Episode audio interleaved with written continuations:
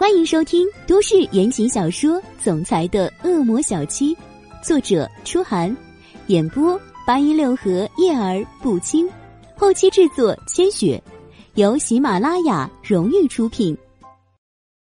第二十一集，心中莫名的气闷。起身之后，他一眼扫到了先前被叶朵朵扣在床头柜上的相框，准备拿起，手指触到相框边缘的时候。他又犹豫了一下，然后收回了手。看什么看呢？看他跟别人你侬我侬，自找没趣。荣寒生负气的想到。就在这个时候，他的手机响了。老大，你在哪儿？啊，今早你有个重要的会议要参加，你还要不要去？要不然我通知秘书取消吧。伊森在电话那边有些着急的说着。荣寒生脸眸看了叶朵朵一眼。缓步走出了房间，马上去公司。他离开叶朵朵家的时候，城市的另一端，他自己的私宅里也来了一个人。许凌寒进门没有见到荣寒生，只看到阿姨在客厅里做打扫。寒生呢？他问了一声，微微有些红肿的双眸随即四下看了看，没有看到荣寒生。他才又将目光转向阿姨，阿姨一见是他，立即礼貌的躬身道：“荣先生昨晚不在，许小姐有什么事的话，可以给他打电话，或者让我转告也行。”昨晚不在，许凌寒皱眉，他去哪儿了？他的脑子里已经设想出了一种可能性，只不过他不愿意承认，不愿意承认。荣寒生应该跟叶朵朵在一起，啊，这个我不清楚。阿姨笑笑，表示不知。还想再问什么？许凌寒的目光突然又凝在阿姨的手上。你手里拿的是什么？啊，这个。阿姨低头看了看自己手里的东西，哦，是刚刚打扫客房的时候在床上找到的。昨晚客房是叶小姐睡的，我想应该是叶小姐落下的，我打算收着回来交给先生的。叶朵朵，许凌寒念了一遍这个名字，心里顿时涌上一种抵制厌恶的情绪。交给我吧，我正好有事去找叶朵朵，带给她就好了，省得麻烦寒生了，他最近很忙。他朝阿姨伸了手，阿姨自然也知道，他身为荣寒生的女朋友，有些抵触荣寒生和别的女人来往，所以也没多想。见他主动帮忙，还笑着表示了感谢。接过东西，因荣寒生不在，许凌寒也没多停留，转身就出了别墅。叶朵朵从来都不知道，原来做爱真的可以把人累到昏睡过去。以至于醒来后很久，他的意识还是一片混沌。前半段的情形，他还能回忆得起来。他反抗挣扎，荣寒生那个混蛋就像泰山一样沉沉的压着他，动弹不得。后半段，后半段他已经完全回忆不起来了。到现在想想，只能记起当时思维意识都是空白，唯一能记得的感知就是那种浑身。都被火烧的灼热感，对那种感觉的记忆倒是清晰。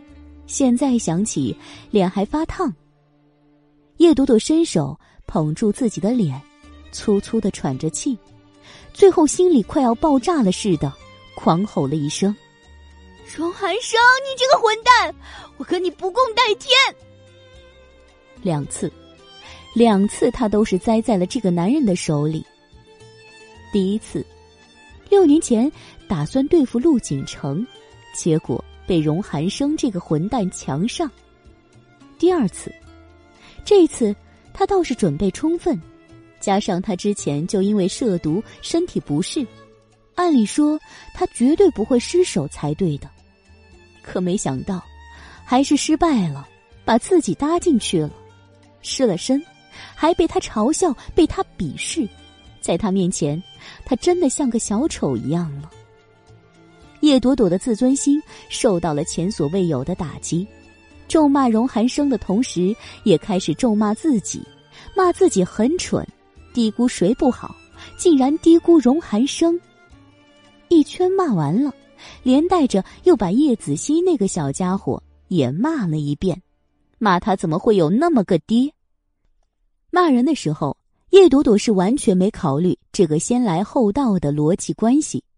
反正只要跟荣寒生有关的，他都要骂几句，以至于此时正在另一个城市赖床不起的叶子熙同学，在睡梦中硬生生的打了几个喷嚏。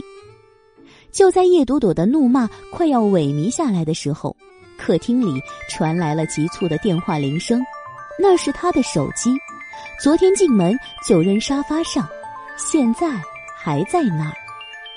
他心里烦躁，本不想接，可那电话又响得异常坚决，催命似的响了一遍又一遍，中间都不停顿。无奈，等他响过第三遍之后，他从床上爬了起来，随手抄起地上的一件外套披在了身上。落地的时候，他差点没站稳，又摔回去。某人一夜的放纵结果，就是他买了单，腿软的打颤。腰也酸疼的要命，江湖传闻，这种事是件愉快的事。叶朵朵现在只想呵呵哒，愉快，恐怕只针对男人来说的吧。一手揉着腰，一边依旧嘴不停的咒骂着荣寒生，挪着步子出来接电话，翻出手机一看，叶朵朵似被一盆冰水浇了，瞬间一个机灵，是叶明远。六年来，他还是第一次主动给他打电话。这个时候才七点都不到，有事吧？调整好了情绪，他立即接通了电话。爸爸，一声喊过，电话那边立即传来了略带责怪的声音：“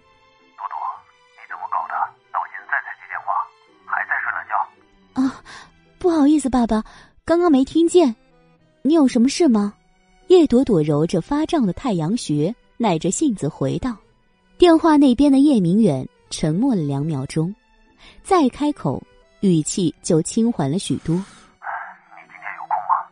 有的话来公司一趟，爸爸有事想跟你谈谈。公司有事跟他谈？叶朵朵疑惑了一下，并没有多么犹豫，就接了过来。好的，我等下就过去。上午没什么事。”听了这句话，那边大概很满意，还叮嘱他路上慢点儿。挂了电话，叶朵朵捏着手机在公寓里转了一圈公寓里除了他之外，再无旁人。荣寒生已经走了，吃干抹净，抬腿就走。叶子熙啊，叶子熙，你爸可真不要脸！睡梦中的叶子熙。莫名其妙的又躺了一枪。这回是真丢人了，他当然不会就这么放过荣寒生，至少也要把地皮拿到手。但是现在，还是爸爸的事情重要一点。叶明远既然主动找他，那对他来说既可能是麻烦，也可能是契机，他不得不去。这么想着，叶朵朵便用最快的速度收拾好自己。提着包出门了，一个小时后，他到了公司。叶家本来是做进出口起家的，后来进出口不好做，国内房地产却发展迅猛，叶明远就拿手里原始积累的资金转来做了房地产。最初几年行情很好，叶家也跟着赚了不少，渐渐从默默无闻发展成了一间小有名气的地产企业。可这几年呢，也不知道叶明远是不是力不从心了，还是竞争太激烈，叶家的明远地产也在逐年走下坡路。这样的颓势，从进公司门就能感觉出来。六年前叶朵朵来的时候，悬挂在最外面那块明远地产的招牌金光闪闪，里面的员工也是忙忙碌碌，穿梭各个办公室之间。整个公司都充满了蓬勃向上的生机感。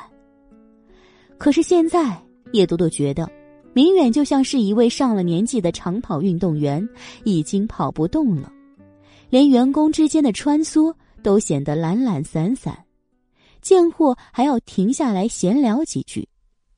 一边往里面走，一边感受着这样的颓废气氛，叶朵朵也不由得皱了眉。进了董事长办公室，叶明远已经在等他了。现在刚刚到上班的点儿。叶明远的作息时间一向没这么早，若非有重大事件，他不会这样的。想到这里，叶朵朵心里打起了鼓，叫他来，莫非这个大事还跟他有关不成？带着这个猜测，一进门，他就被叶明远的热情弄得一怔。哎，朵朵，你来了，快过来！原本坐在老板椅上的叶明远竟然站了起来。那目光热切的凝在他的脸上，仿佛已经等他几生几世了。叶朵朵有些受不了这样突如其来的热情，脸上的笑容有些僵硬。爸爸，你找我什么事？他还没走到跟前，叶明远已经走出了座位，手里还拿着一叠文件，冲他说道：“来，来，过来坐下，慢慢说。朵朵，这件事。”爸爸要求你啊！求我？叶朵朵露出不解的神色，看了那些白纸黑字一眼，勉强笑笑：“我能有什么可以帮爸爸的？”有啊，朵朵，爸爸问你，你是不是认识荣寒生？嗯。叶朵朵愣了一下，荣寒生这三个字现在对叶朵朵来说就是诅咒，一听到这三个字。她就要打哆嗦，愣神间，又听见叶明远追问他一声：“呃，怎么了，朵朵？”“哦，没什么，爸，到底什么事？你直说吧。”不想墨迹，他直接问出，同时心里隐隐生出不祥的预感。反正只要跟荣寒生有关的，那就绝对不会是好事。几秒后，叶明远伸手。将那白纸黑字递到了他的眼前。哦，先看看这个再说吧。叶朵朵疑惑的接过资料，坐下来翻了起来，翻了两页，他就愣住了。这不是他一直为荣寒生磨的那块地皮的资料吗？爸爸现在想起他了，也想让他去找荣寒生要地皮了。这块地皮的资料他早就看过了，所以也用不着细看。随意的翻了两页，就看向了叶明远。爸爸，这块地怎么了？资料显示，我们公司打算买下这块地开发度假村，怎么，现在有难度吗？他明知故问，叶明远的脸瞬间布满了阴云。唉，这块地我们本来势在必得，派人跟华夏接触了很多次了，本来他们只是想抬价，不肯轻易卖。现在好了，华夏放出话了，就是不卖给我们明远。爸爸派人暗中打听了，说这是荣寒生的直接命令。我们跟荣家一向没什么关系，怎么就得罪了荣寒生呢？叶明远摇着头，十分不解。叶朵朵一听，简直呆了。荣寒生整他呢，太缺德了吧！瞧叶明远这反应，也不是今天的事儿，也就是说。上次跟那个死男人提过地皮的事情之后，他就开始背后搞鬼了。天啊，他现在很想捏死那个男人，怎么办？叶朵朵澎湃的内心，叶明远没有注意到。他见女儿发呆，就补充道：“朵朵啊，我听说你昨天晚上在三 A 公司的慈善晚宴上跟荣寒生处的不错，好像还帮他解决了点麻烦。”是不是啊，朵朵？啊！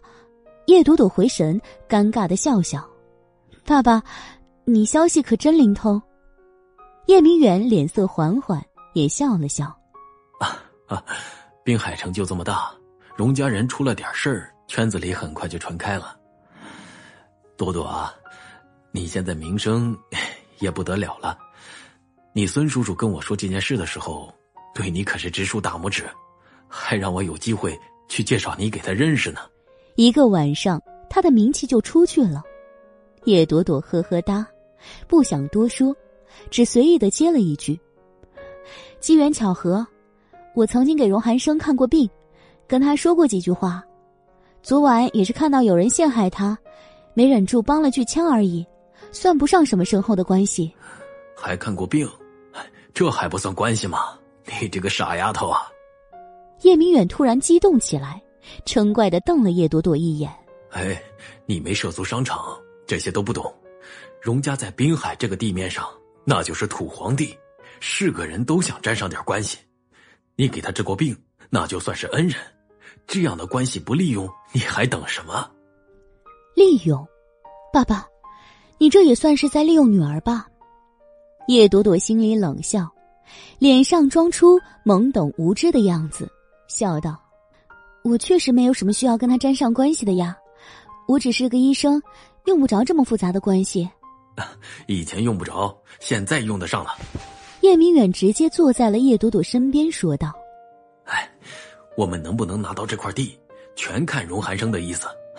朵朵，你跟他说得上话，你帮公司去争取一下。”叶明远丝毫没含糊，直接说了自己的诉求。叶朵朵看了他一眼，依旧装着糊涂。我怎么争取？直接问他要，他会给吗？会不会总要去试一下？最好趁热打铁。你昨晚刚刚帮了他，现在问他要地皮这样的小事他一定不好抹了你的面子。这块地皮对我们很重要，可对他荣寒生来说，他可能根本就不知道有这么一块地。话说到这里。叶明远皱了皱眉，露出不解的神色。我真是想不明白啊，到底哪里得罪他了？为什么要跟我们过不去？不行，这样可不行，得罪了他，以后还怎么做生意？叶明远直犯愁。叶朵朵看他一眼，没说话。在叶明远连声的叹气声中，他才说道：“爸爸，这样吧。”这件事我去试试，不能保证能有什么好的结果，我尽力。闻言，叶明远的脸就亮堂多了。啊，好，好，你答应就好。我的女儿我最放心，凭你的本事，没什么拿不下来的事儿。你去说，他肯定会同意的。印象中，父亲很少这样夸赞他，小时候多是批评他淘气不懂事。同时，还用温柔乖巧的叶青言做对比。现在倒是奇了，为了一块地，他的赞美也不吝啬了。叶朵朵心中冷笑，捏着那叠资料卷在了一起，站了起来。那好吧，我先走了，回去想想这事儿该怎么做。哎，行，你去忙，爸爸不耽误你了。叶明远说着，也跟着站起。将叶朵朵送到门边的时候，他才突然又叫住了叶朵朵：“呃，朵朵，搬回来住吧。”叶朵朵转身没有吭声。叶明远冲他慈爱的笑了笑：“啊，你一个女孩子家在外面终究不方便，你阿姨的事情你放心，我已经跟她说好了，她不会说什么的。说到底，他还是疼你的，小时候对你也不错嘛。”也就是因为你姐姐的事情，才停顿了一下，他又继续说道：“啊，你还是回来住，以后说不定爸爸找你帮忙的事情还多，住在一起说个话都方便。”原来如此，叶朵朵心思渐冷，发现他有可利用之处了，所以迫不及待的要让他回去住了。他的父亲大概是做生意做的太久了。所有的行为都透着一股势力劲儿。没再多说，叶朵朵笑了笑，只说道：“等我办完这件事。”摇了摇手里的资料之后，他就头也不回的离开了明远公司。出了门，风一吹，他心里那股不舒服的劲儿才散了。不过很快，又被怒火取代。荣寒生，你这个混蛋！占尽了他的便宜，还在背后使绊子，不行，这笔账一定要跟他算清楚，一刻都不能等，现在就去。决定好了，叶朵朵便直奔地勤集团去了。感谢您收听都市言情小说《总裁的恶魔小七》，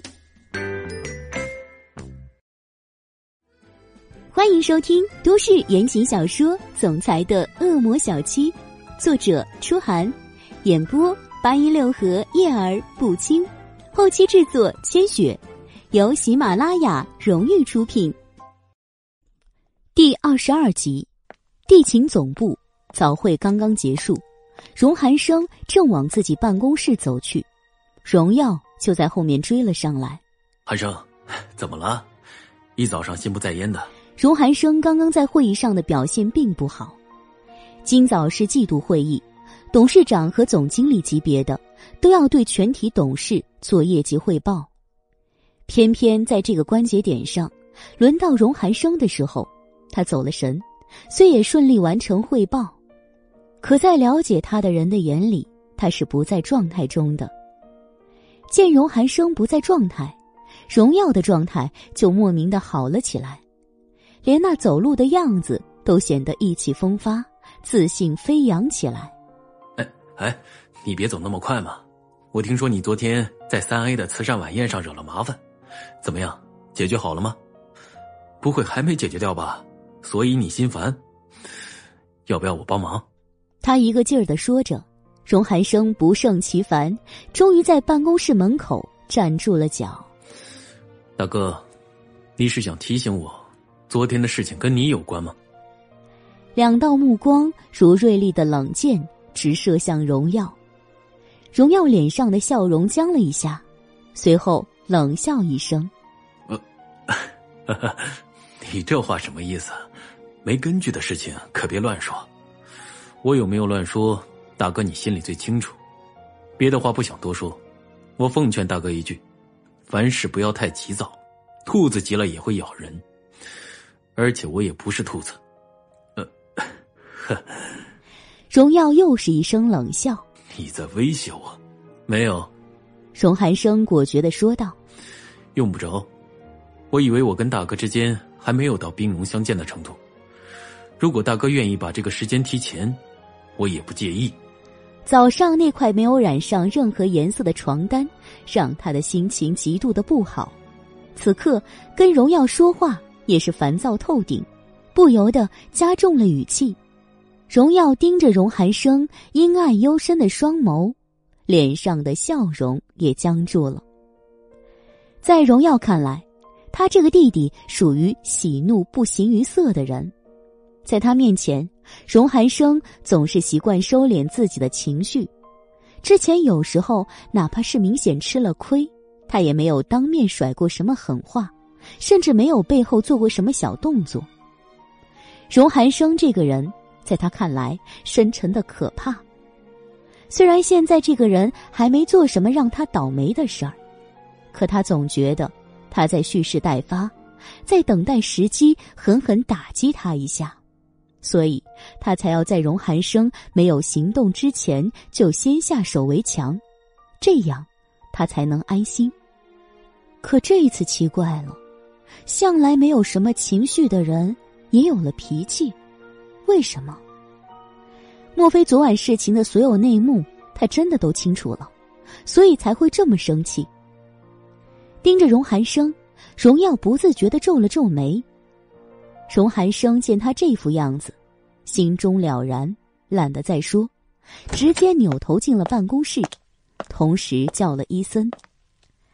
荣耀没有再跟进去，伊森进去后，就见荣寒生伸手将手里湖蓝色的文件夹狠狠的摔在了桌上。他跟了荣寒生这么多年，也是第一次见他这样控制不住怒气摔东西。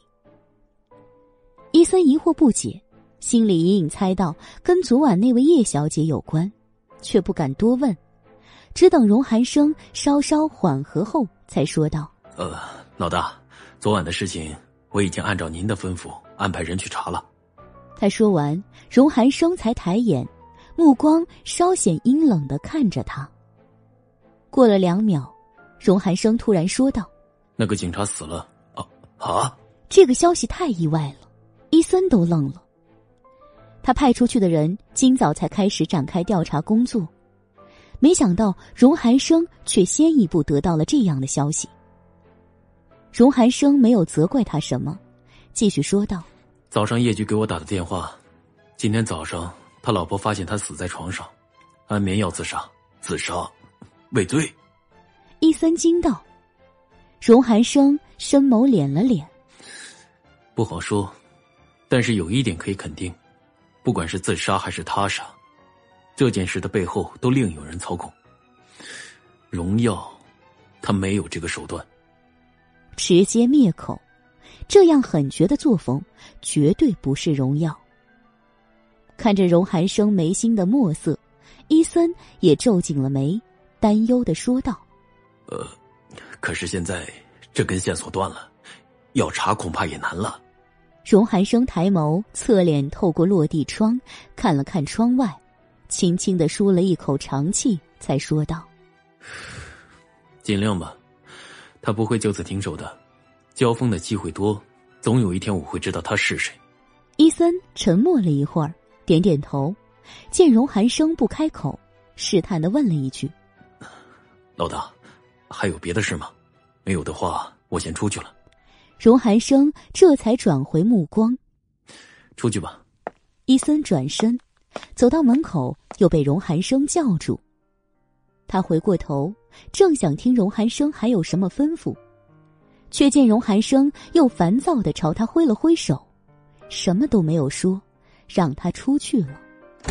伊森疑惑的出门，心里只想着：今天的老大实在太奇怪了，难道昨天晚上被叶小姐刺激了？是不是的，他也不得而知，也没空去想，因为一出来。他迎面就碰到了许凌寒。呃，许小姐。伊森愣了一下，下意识的往后看了荣寒生的办公室一眼，还没开口说什么，就听许凌寒柔声的问道：“寒生在吗？”“在，不过。”伊森犹豫了一下，还是说道：“老大今天心情不太好，许小姐要是没什么要紧的事情，就别进去了。”许凌寒虽然很重要，可荣寒生是他老大，当然更重要。他可不想荣寒生在已经很烦躁的情况下再多点烦躁，这是他的忠心。只可惜许凌寒并没有体谅。我进去找他，说了一句，他就直接走进了荣寒生的办公室。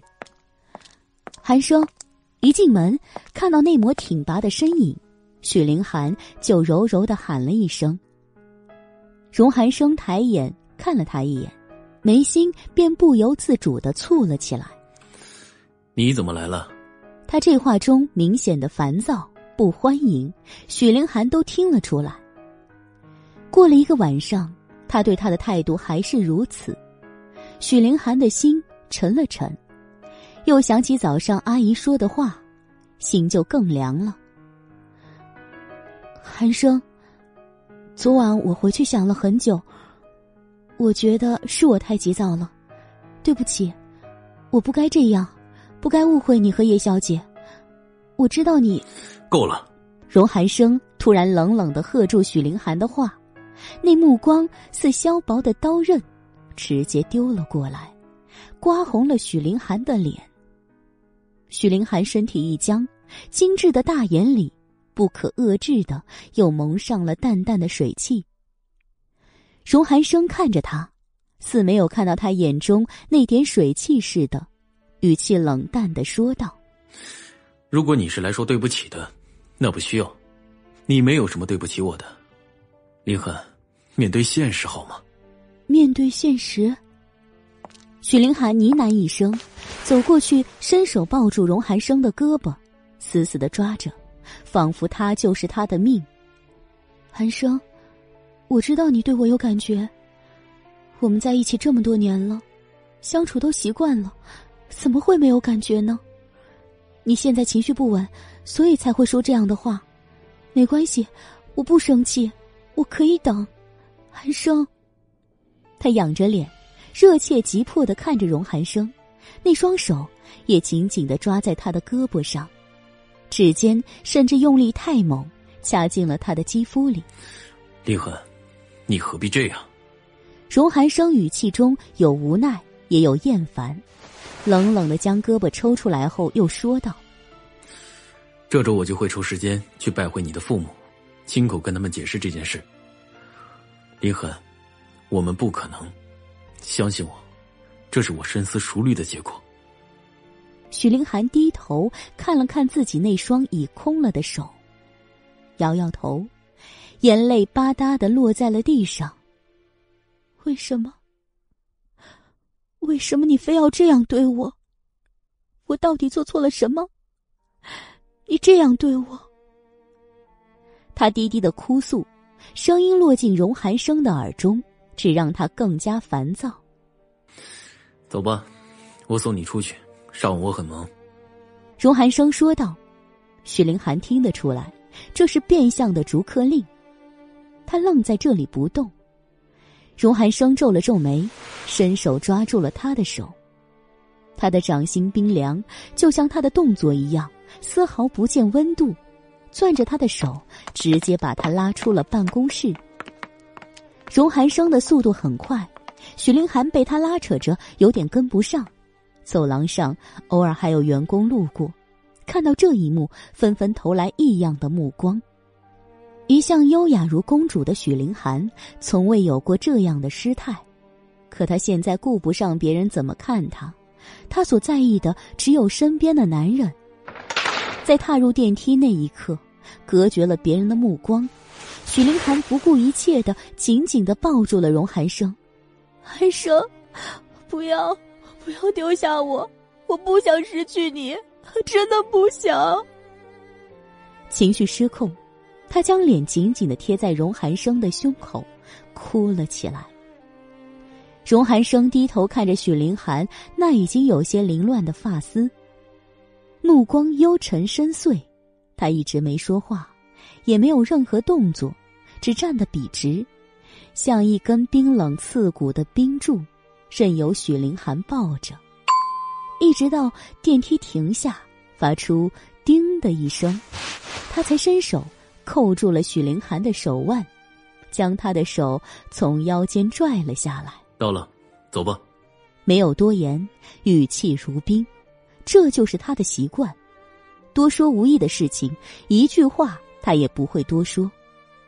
许凌寒的泪水还没有收尽，出电梯的时候，他没有再纠缠，而是深深的低着头，用冰肩垂下的发丝遮挡着脸上的狼狈。荣寒生拉着许凌寒快速的往前走，他的脸上带着任何人都能看得出的阴沉。这副阴沉在快到大厦大门口的时候，突然加剧了几层。叶朵朵，那个女人跑这里来了，正好她的邪火没地方发，来的可太及时了。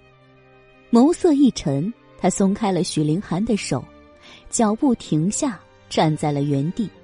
许凌寒突然被放开，愣了一下，抬起泪眼看向荣寒生，只见他的目光正直勾勾的看着前方。顺着他的目光看去，叶朵朵的身影落进了他的眼里。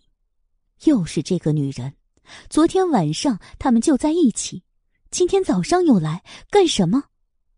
昨晚的事情他已经像鸵鸟一样的不想再追究了。可叶朵朵为什么还要来刺激他？许凌寒的心瞬间拧紧，双手紧紧的攥成拳，藏在身侧。他是豪门千金，不会像市井泼妇一样扑上去跟叶朵朵理论。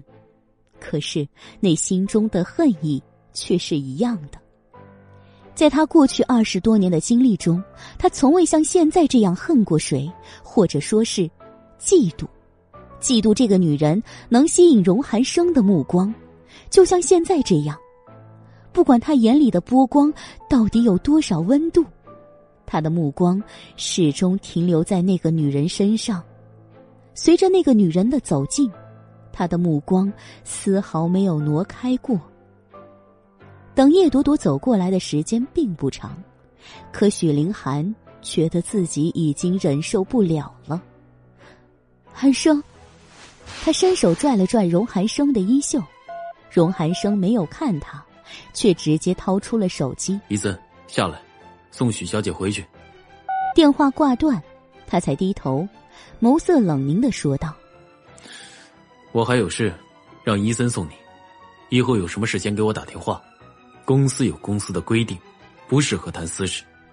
不适合谈私事。”许凌寒不由自主的朝叶朵朵投去了一眼，却没说什么，手指在荣寒生的衣袖上执拗的僵持了一会儿，他终于放弃了坚持。那好吧，我先走了，等你有空我再约你。荣寒生不置可否，甚至没多看许凌寒一眼。许凌寒目光不舍的在他脸上停留了一会儿之后。终于头一低，快速的离开了大厦。路过叶朵朵身边的时候，他也没看叶朵朵一眼。倒是叶朵朵看出许凌寒脸上的异样，在经过他的时候，侧目看了看。许凌寒走了，叶朵朵才疾步走到荣寒生面前。荣寒生，你什么意思？心中怒气难消，他张口就是质问。叶医生说什么？我不是太懂。荣寒生双手插进裤子口袋里，一副无所谓又毫不在意的模样。叶朵朵恶狠狠的瞪着他，直接将捏了一路的资料朝他那张天怒人怨的脸扔了过去。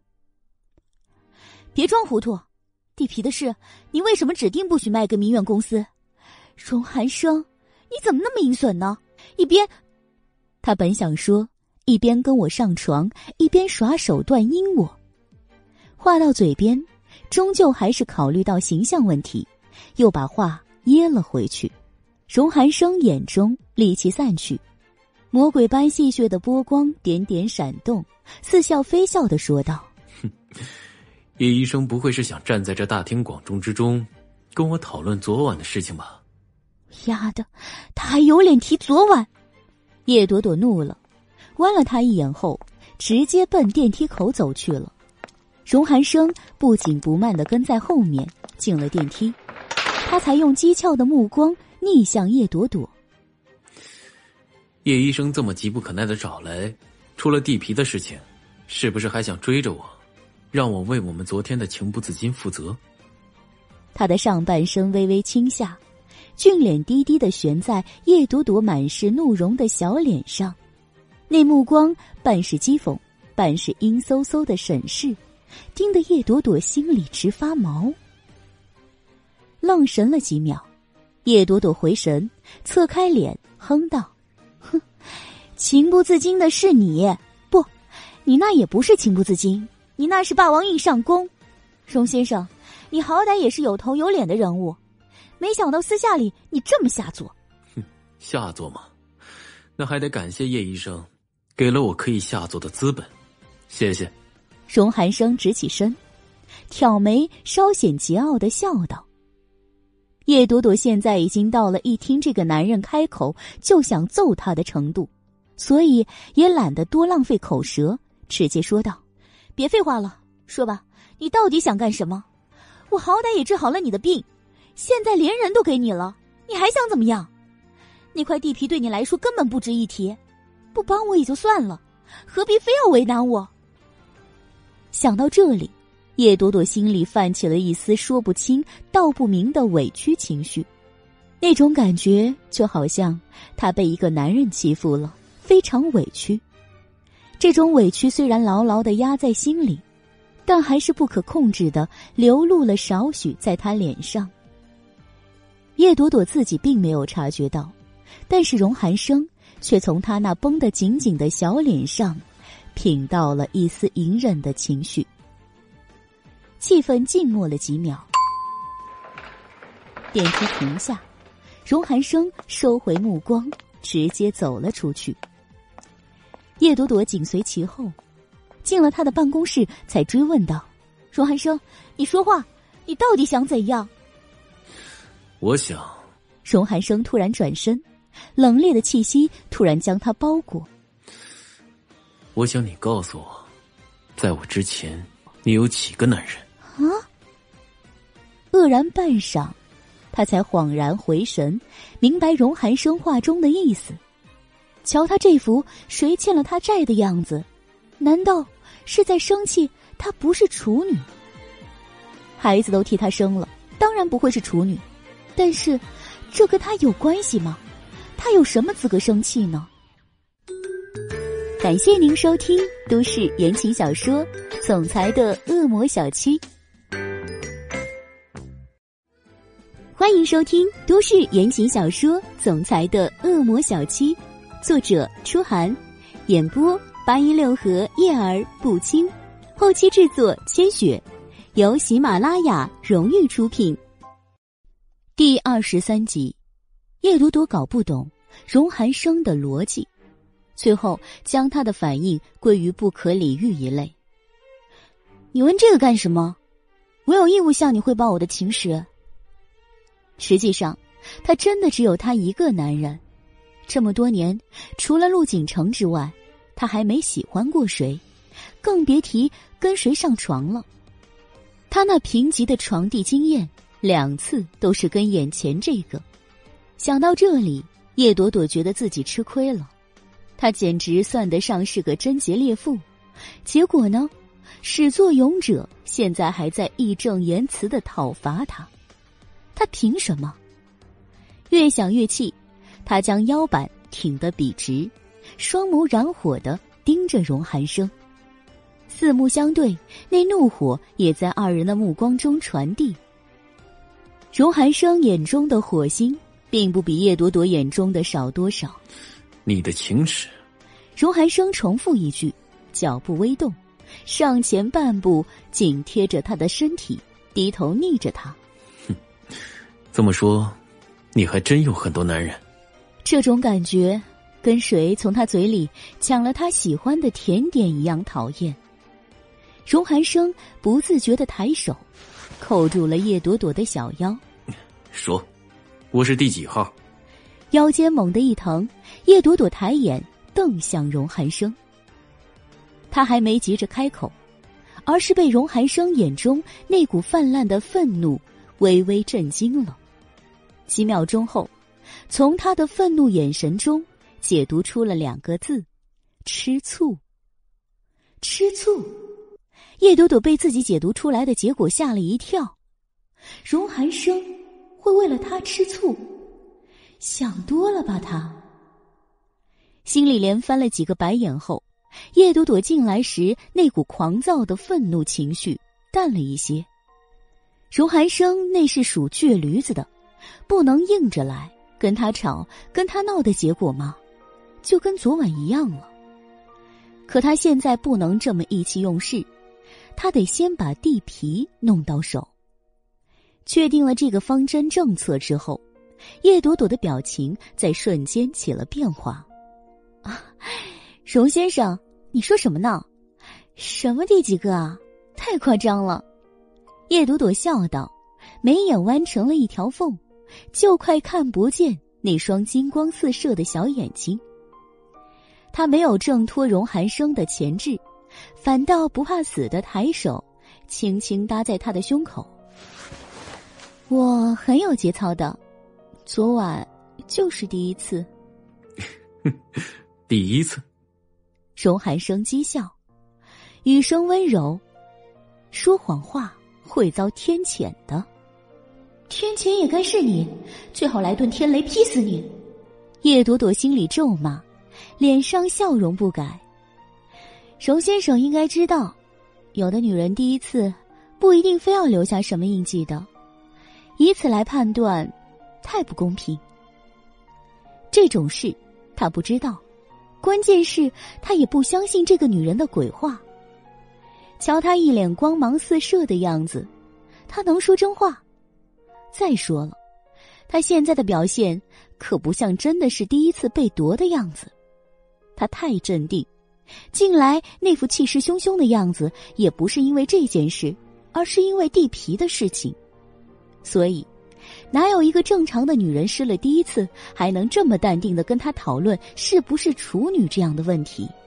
不过，荣寒生的心思、心念电闪，虽然理智分析之后得出了上述的结论，但是他的心情却莫名其妙的好了许多。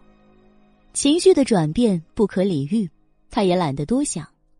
沉默过后，眉目一挑，他便冲着叶朵朵丢来了一句嘲笑：“叶医生果然是女中豪杰，这样的话题跟一个男人谈论也能这样淡定，脸皮的质量是真的好。”哼，笑他脸皮厚，叶朵朵心里冷哼了一声：“我是医生，见多不怪，而且。”我也不像你这样善于联想，就事论事而已。就事论事。荣寒生的薄唇里轻轻滚过这几个字，目光一敛，又说道：“那你就就事论事的告诉我，照片里那个男人是谁？”照片里的男人，袁木。刚想到这里，荣寒生阴沉沉的气息又扑面而来。哼，别跟我说那是你男朋友，我不爱听。叶朵朵彻底的呆了，那你想问出什么结果呢？这男人的脑回路真的太深邃了，他完全弄不懂啊。荣寒生脸阴了很久，薄唇抿成一条冷硬的线，也没吭声，就那么盯着他，盯得他莫名其妙。我不想问出什么结果，只想告诉你，上了我的床，你就是我的。不管你之前跟哪个阿猫阿狗在一起，那些念想最好断了，否则，让我看到你在跟其他男人有什么牵扯，我会生气。上帝，你是在睡着的时候制造出龙寒生这朵奇葩的吗？要不要这么霸道啊？演霸道总裁的戏码吗？霸道总裁这四个字冒出来的时候。叶朵朵脑子里顿时瞬间涌出了很多曾经电视剧里、小说里看到过的情节。按照荣寒生现在这话的逻辑说下去，很快，他就要跟他说以下的话了：“叶朵朵，从今天起搬来跟我一起做我的女人，或者叶朵朵开个价吧，包养你要多少钱？听听听，不能这样发展下去。”为了堵住这些某人可能出口的话，为了避免他们的谈话朝着他讨厌的方向发展，叶朵朵笑了笑，说道：“你想多了，我没有男朋友啊，之前那些话都是骗你的，我已经单身很多年了。荣先生，你要是真喜欢我呢，或许你可以追我呀，你条件这么好，我说不定会答应哦。”叶朵朵歪着脑袋，一脸真诚外加期待，这副模样落进荣寒生的眼中，直接把他堵了个心肌梗塞。你想得美！一阵气闷，荣寒生忍无可忍的低吼了一声，随后捉住那只还趴在自己胸口的小手甩开，气羞羞的转身，在自己的座位上坐了下来，沾上柔软的真皮座椅。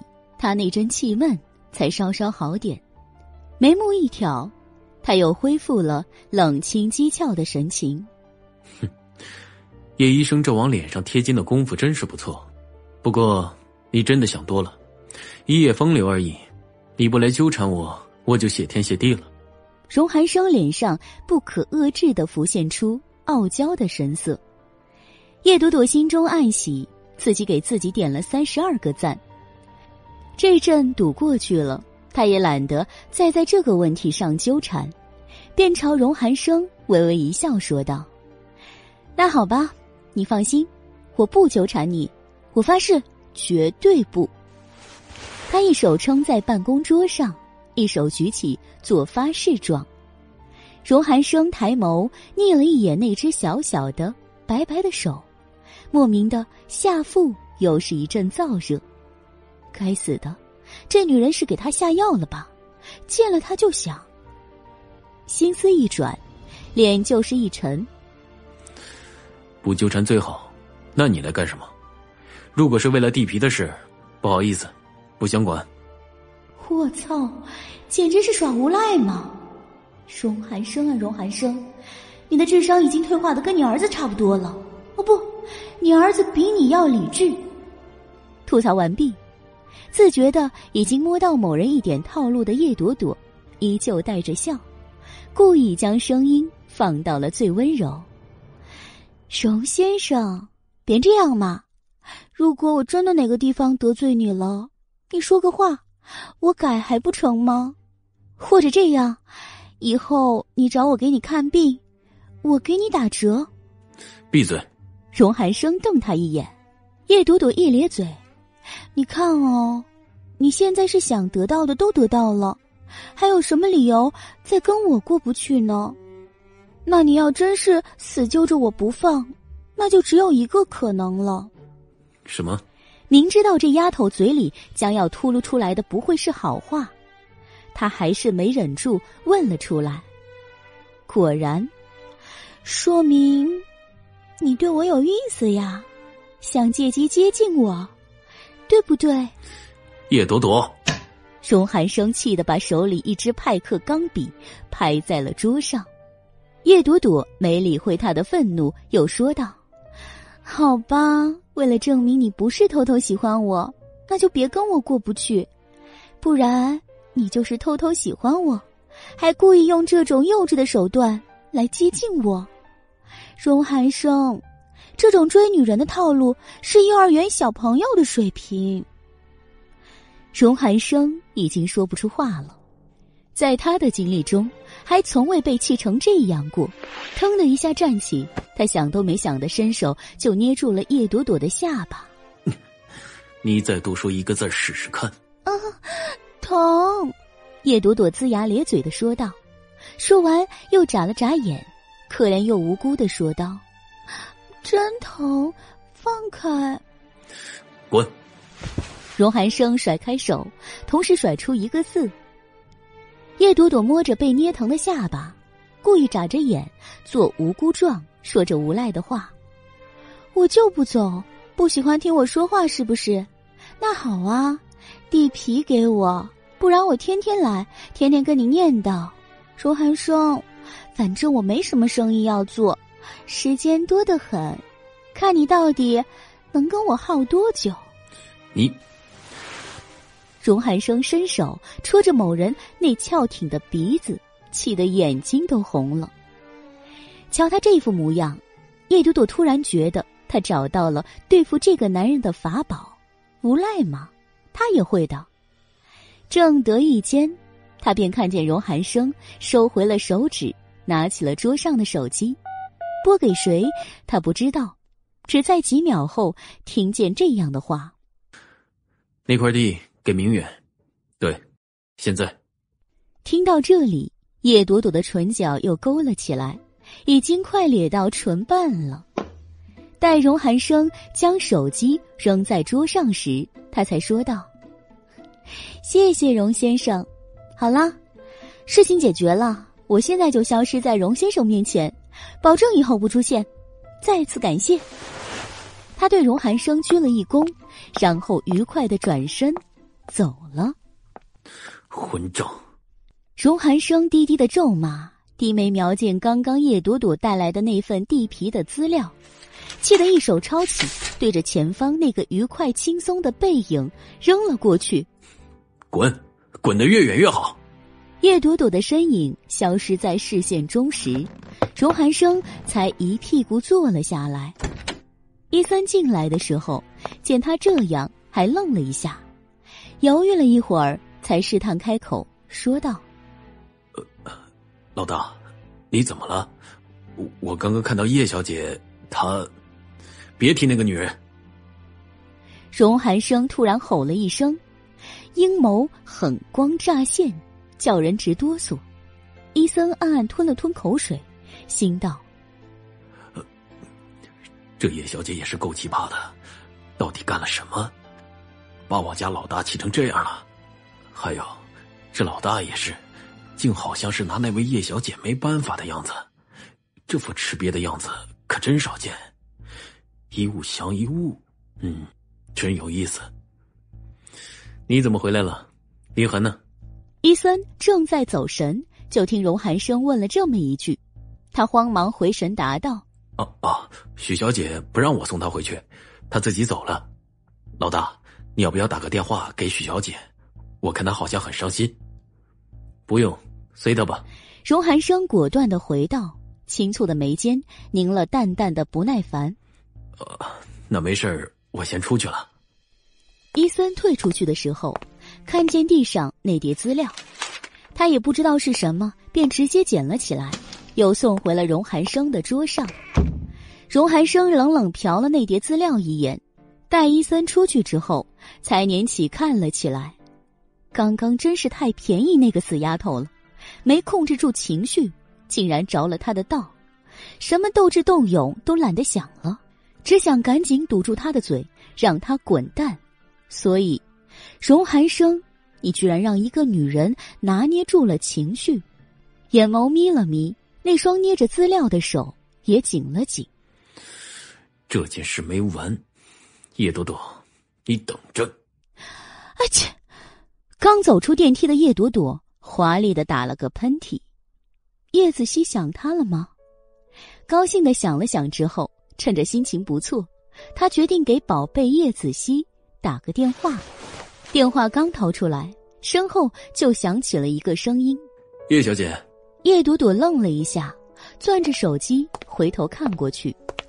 一个不认识的男人叫住了他：“ 叶小姐，你好，我们认识一下。”男人到跟前就这么说，叶朵朵不由得皱了皱眉：“你哪位？” 荣耀。荣耀直言说道：“叶朵朵被他那嘴白牙晃了一眼，有点晕。”荣耀，哦，荣总，您好。想起眼前这位是谁，叶朵朵礼节性的笑了笑。荣耀看看他，又往大门口方向看了看。叶小姐，这是要去哪儿？我也正好出去，送你一程。叶朵朵愣了一下，这人也太好心了。黄鼠狼给鸡拜年吗？鉴于对荣寒生恶劣的印象，他把荣家人都归于坏蛋一类，所以对荣耀这份好心。也不太感冒。不用了，谢谢。打车很方便的，不用那么麻烦。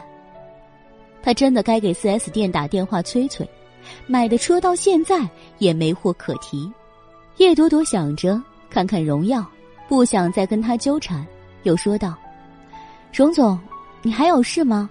没有的话，我先走了。”哦，我没什么事就是想认识一下叶小姐。荣耀笑道。坦诚的让人皱眉。荣总言重了，我只是个医生。叶朵朵勉强微笑道，说完便接道：“医院下午还有手术，我先走了。荣总再见。”荣家的人认识一个就够够的了，他可不想再认识第二个。心里有些不耐烦，他也没勉强自己，说完就直接转了身。没想到的是，荣耀。竟然跟了上来，叶小姐，怎么这样拒人于千里之外？你跟韩生相熟，肯帮他解决麻烦，怎么跟我说一句话都不愿意了？闻言，叶朵朵的脸冷了下来，她停下脚步，盯着荣耀说道：“荣总，我跟荣寒生也不算很熟，昨晚的事顶多只是路见不平而已，你想多了。”荣耀意味不明的笑了笑，而后又点了下头。好吧，算我想多了，不提寒生。那么，叶小姐，现在已经中午了，肯赏个光，一起吃个饭吗？不了，我说过我下午还有手术。叶朵朵果断的拒绝。莫名其妙的，她觉得眼前这个始终带笑的男人，比他那个弟弟荣寒生还要讨厌。荣总。时间不早了，我真的要走了。失陪。再次转身，他的脚步坚决了许多，不再停留，只十几秒的时间就走出了大厦。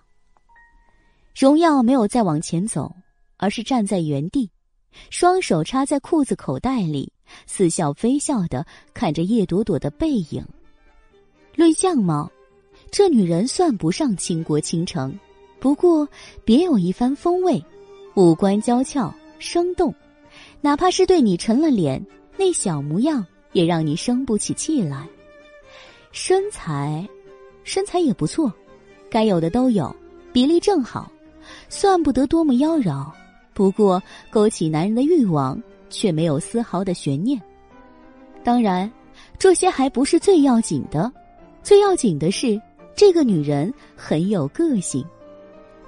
刚刚他那个弟弟的办公室里发生的一幕，他虽然没有亲见。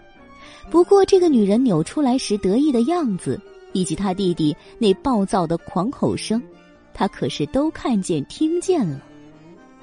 能把荣寒生气成那样，自己还这么高兴的女人，不多见；能毫不犹豫的拒绝自己的女人，当然也不多见。两个不多见加起来，这女人岂不是很有意思？荣耀笑笑。等看不见叶朵朵的背影的时候，他才转身回去。感谢您收听都市言情小说《总裁的恶魔小七》，欢迎收听都市言情小说《总裁的恶魔小七》，作者：初寒，演播：八一六和叶儿不轻，后期制作：千雪。由喜马拉雅荣誉出品。第二十四集，地勤大厦里，两个最显要的男人都对他起了各式各样的心思时，叶朵朵打了车，直奔华夏公司去了。荣寒生那男人给他的感觉就是有点邪性，不正常。刚刚他在气头上吩咐人把地卖给了明远，可要是他回过神来，说不定。又得出什么幺蛾子，所以买卖的事情还是趁早敲定的好。这么想着，他就马不停蹄的找到了华夏的负责人。那位负责人好像知道他要来似的，一见他就直截了当的告诉他，荣寒生已经交代了地皮的事情，让他不要担心。如果需要，现在就可以办手续等等。叶朵朵听了这话，喜上眉梢。再三感谢了之后，饭也顾不得吃，就转去了明远公司。他本来想直接找到叶明远，让他赶紧派人和华夏接洽这个事情，早点把事情敲定下来，免得夜长梦多。但是没想到，一到叶明远办公室，他首先见到的是叶青言。爸，这可是我跟锦城争取过来的，也算解了公司的燃眉之急吧。总价格就跟华夏那块地一样，景城说，这块地虽然面积大，但是他是女婿，他也不能赚您的钱，所以就低价让给我们了。爸爸，为了这事儿，我可跟他磨了好几天了。叶青言坐在叶明远对面，语调略带撒娇的说道：“叶朵朵在门口把这番话听完，就听出了个大概来，华夏的地皮拿不到。”叶青言就从陆氏地产下面找了一块地出来，当然这也不是白送，而是卖给他自己的父亲。这块地面积还比华夏的大，总价却是一样的，这应该是好事啊。可为什么叶明远那脸色看起来不那么阳光呢？叶朵朵狐疑，随后就听见叶明远说道：“青言，你的心思爸爸知道。”只是这块地不合适，这件事不能做。华夏的事情现在也不是绝对的。早上你妹妹已经去找龙寒生了，说不定会有好消息。爸，叶青言明显有些不高兴。你还指望他呢？要我说，说不定就是他在外面惹了事，得罪了荣寒生，荣寒生才会这样针对你。再说，陆家这块地怎么就不合适了？位置虽然没有华夏手里那块好，不过面积大，这样算下来，您还是赚了。我怎么是赚了呢？叶明远也加重了语气，大概是情绪上来了。他那手指还在桌上点了点。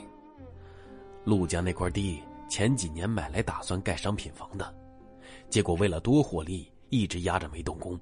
谁想到政府规划将殡仪馆迁到那附近去了，现在那块地。就是他陆家手里的一块烂肉，他是巴不得你来卖给我呀，青言，这点道理你怎么想不明白呢？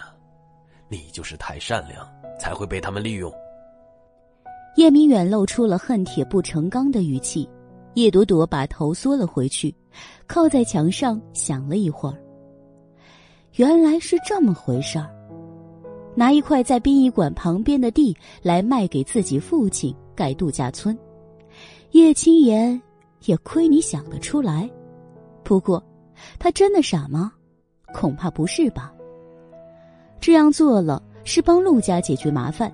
陆景成自然会高兴，他现在在陆家处境堪忧，自然要讨好陆景成。这块地就算是讨好的手段。也只有自己的爸爸看不出他的私心，只当他天真，受了人的蒙骗。哼，这就是父爱，利用自己，却相信叶青言这番鬼话，怎不让人心寒？办公室里。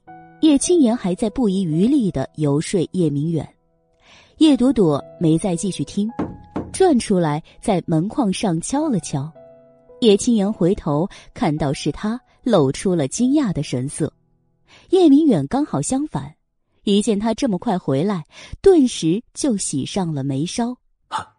朵朵，你回来了，事儿怎么样了？他已经站起来迎了上来。叶青言惊愕的看着叶明远。一直坐在椅子上没动，目光随着叶明远转到叶朵朵身上，那眼中又多了几分厌恶。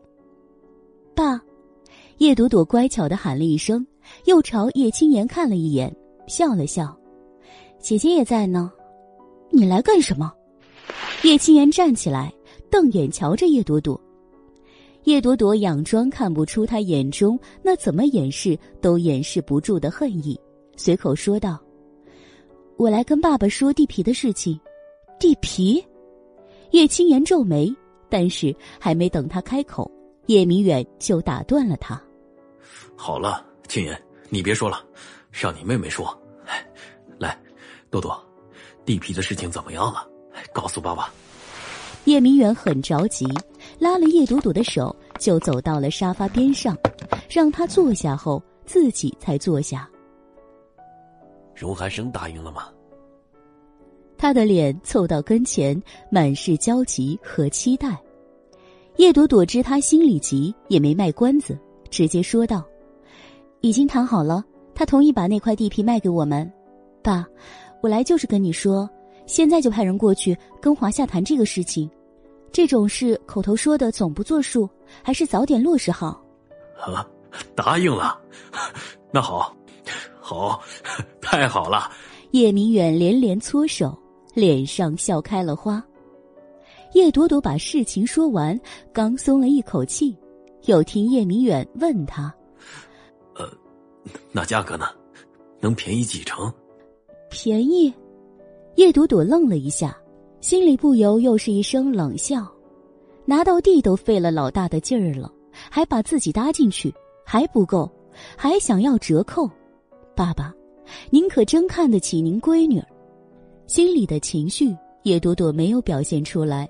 她想了一下，只微微的垮下了脸，遗憾的说道：“对不起，爸爸，朵朵做的不好，没能问他要到折扣。不过他说了，以后有什么事会照顾我们明远公司。这话当然是瞎扯的，反正以后的事以后走着瞧，谁知道？”听了他这话。叶明远脸上明显一暗，随后大概是听了后半句，脸色终于好看了一点儿。哦，这样啊，那也好，有荣先生照顾着，这生意自然也好做得多。嗯，叶朵朵没再多说，只嗯了一声。停了一会儿，叶明远的笑容又灿烂了起来。不管怎么说，能拿到地就是好事。朵朵啊。你这回可是立了大功一件，爸爸要好好谢你。说吧，要什么礼物？要什么礼物？听到这里，叶朵朵心中一酸。这是小时候叶明远常说的话。他跟孩子一向不太亲近，那时候他也小，不懂事，喜欢缠着大人。尤其是母亲死后，有一阵子他很黏他这个父亲。可他总是在应付他一阵之后就不想应付了，那时候就会丢来一句：“要什么礼物，爸爸买给你。”礼物，从小他就很抵制这个字眼儿。叶朵朵心底微凉，脸上也是淡淡的：“不用了，爸爸，这都是应该的。我是您的女儿，替你分忧，那还不应该吗？”他浅浅的扯唇，笑容有些勉强。不过这勉强，叶明远并没有看见，或者说他并不在意。啊，也是，你长大了，大概也不需要什么礼物了。叶明远讪讪的说道，旋即又高兴起来。啊，那这样吧，你一个人住外面不方便，回家还是搬回来住。多多，你也好多年不在家了，不想跟爸爸亲近亲近吗？叶明远有些可怜的看着叶朵朵，叶朵朵想了想，又看了看一旁气羞羞的叶青言，没吭声。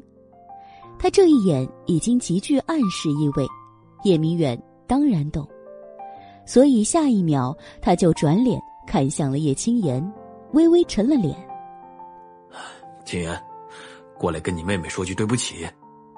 之前的事情，爸爸也不怪你了。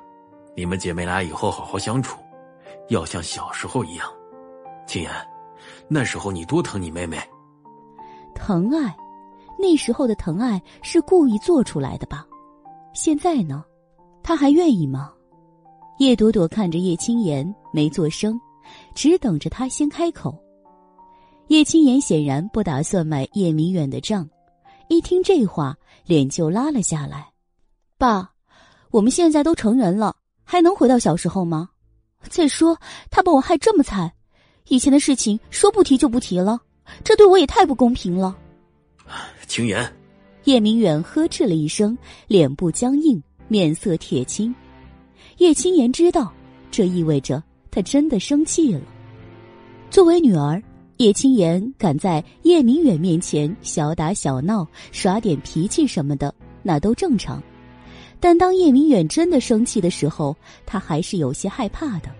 所以，被叶明远这双眼睛一瞪，他也不敢再说什么了，只狠狠的剜了叶朵朵一眼，一跺脚，哼了一声，把脸转到另一边去了。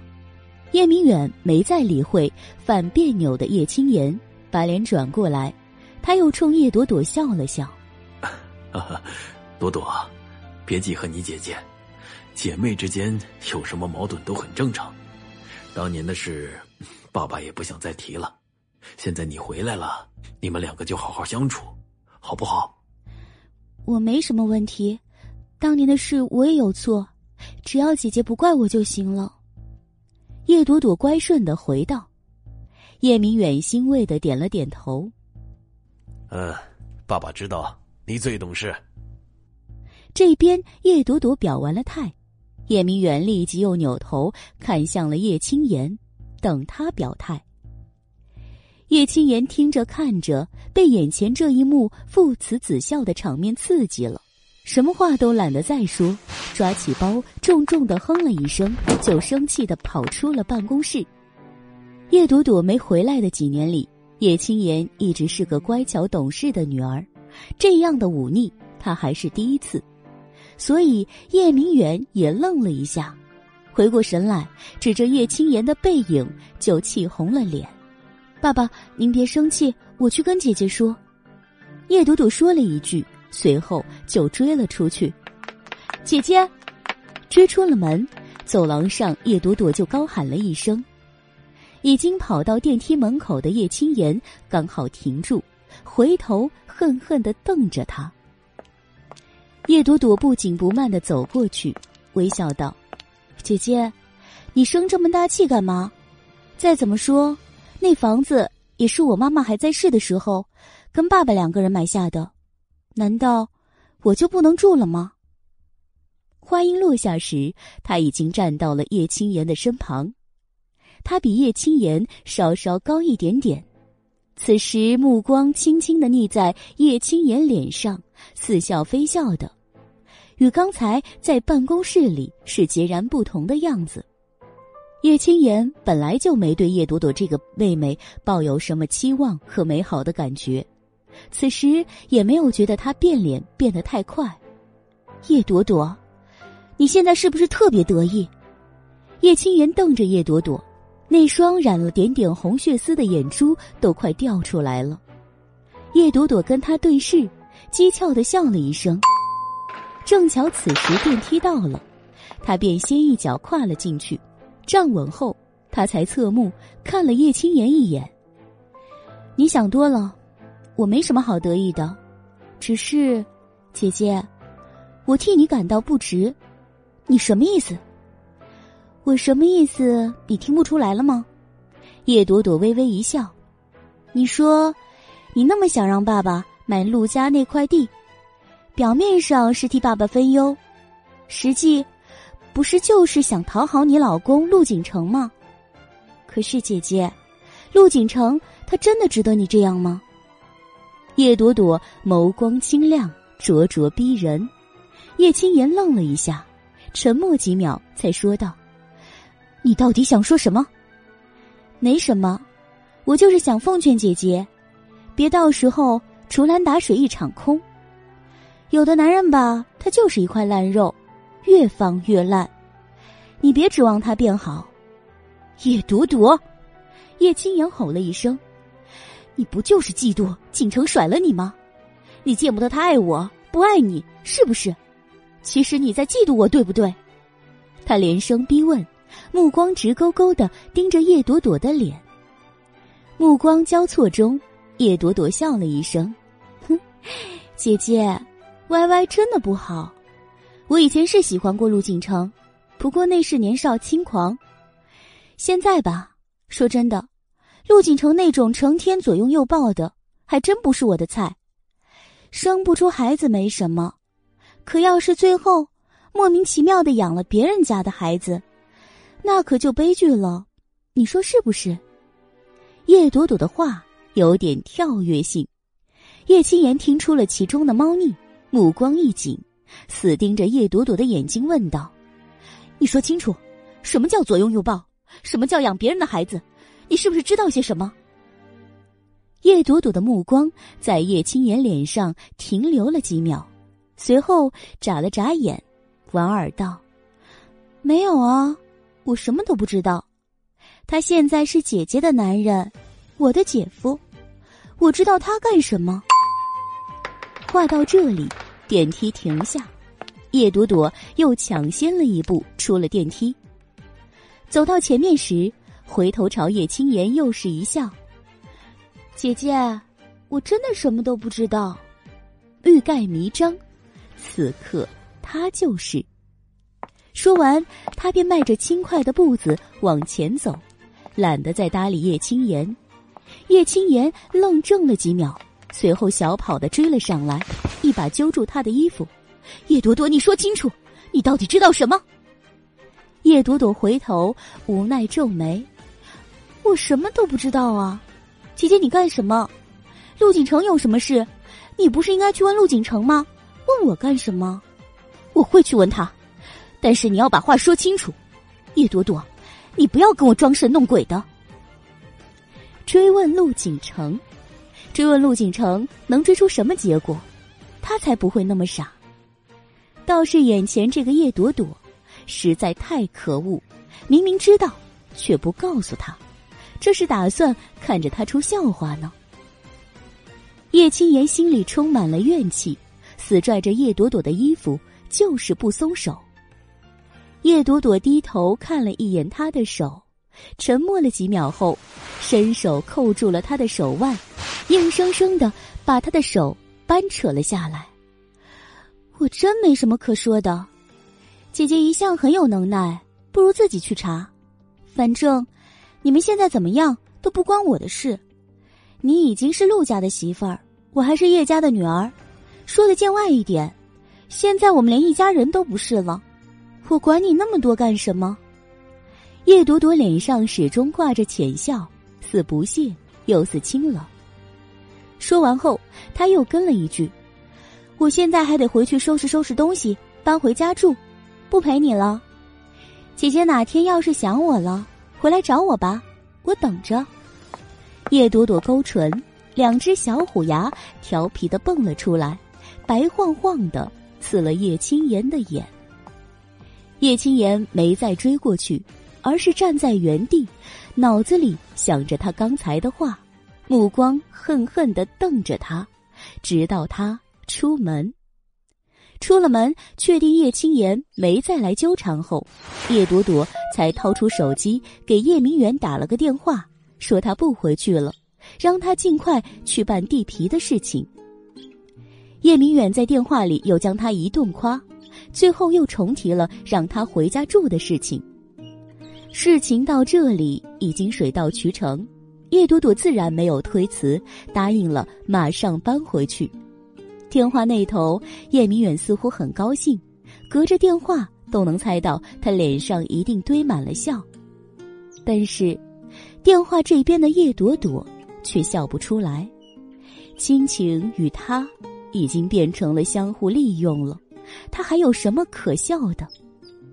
幸好他还有个叶子熙，那小东西。想到叶子熙，叶朵朵便立即给他去了个电话：“喂。”子熙宝宝，你在干什么？做功课呀。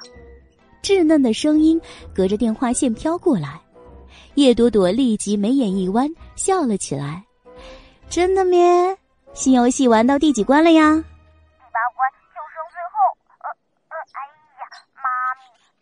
不能不每次用这一招来诓我的话呀？那你能不能每次都不要上当啊？叶朵朵捏着手机。一边走着，一边仰头看了看天，脸上尽是得意。那边没有吭声，不过他知道，叶子熙那家伙一定是在抓耳挠腮的后悔，后悔他不该一边专注的玩游戏，一边把手机开免提，一心二用的结果，自然就悲剧了。感谢您收听都市言情小说《总裁的恶魔小七》。欢迎收听都市言情小说《总裁的恶魔小七》，作者：初寒，演播：八一六合叶儿不轻，后期制作：千雪，由喜马拉雅荣誉出品。第二十五集，叶子熙没等那个小魔头组织好语言来对付他，叶朵朵又喊了一声：“在呢，妈咪，你有什么新指示？”刚犯了错误被捉。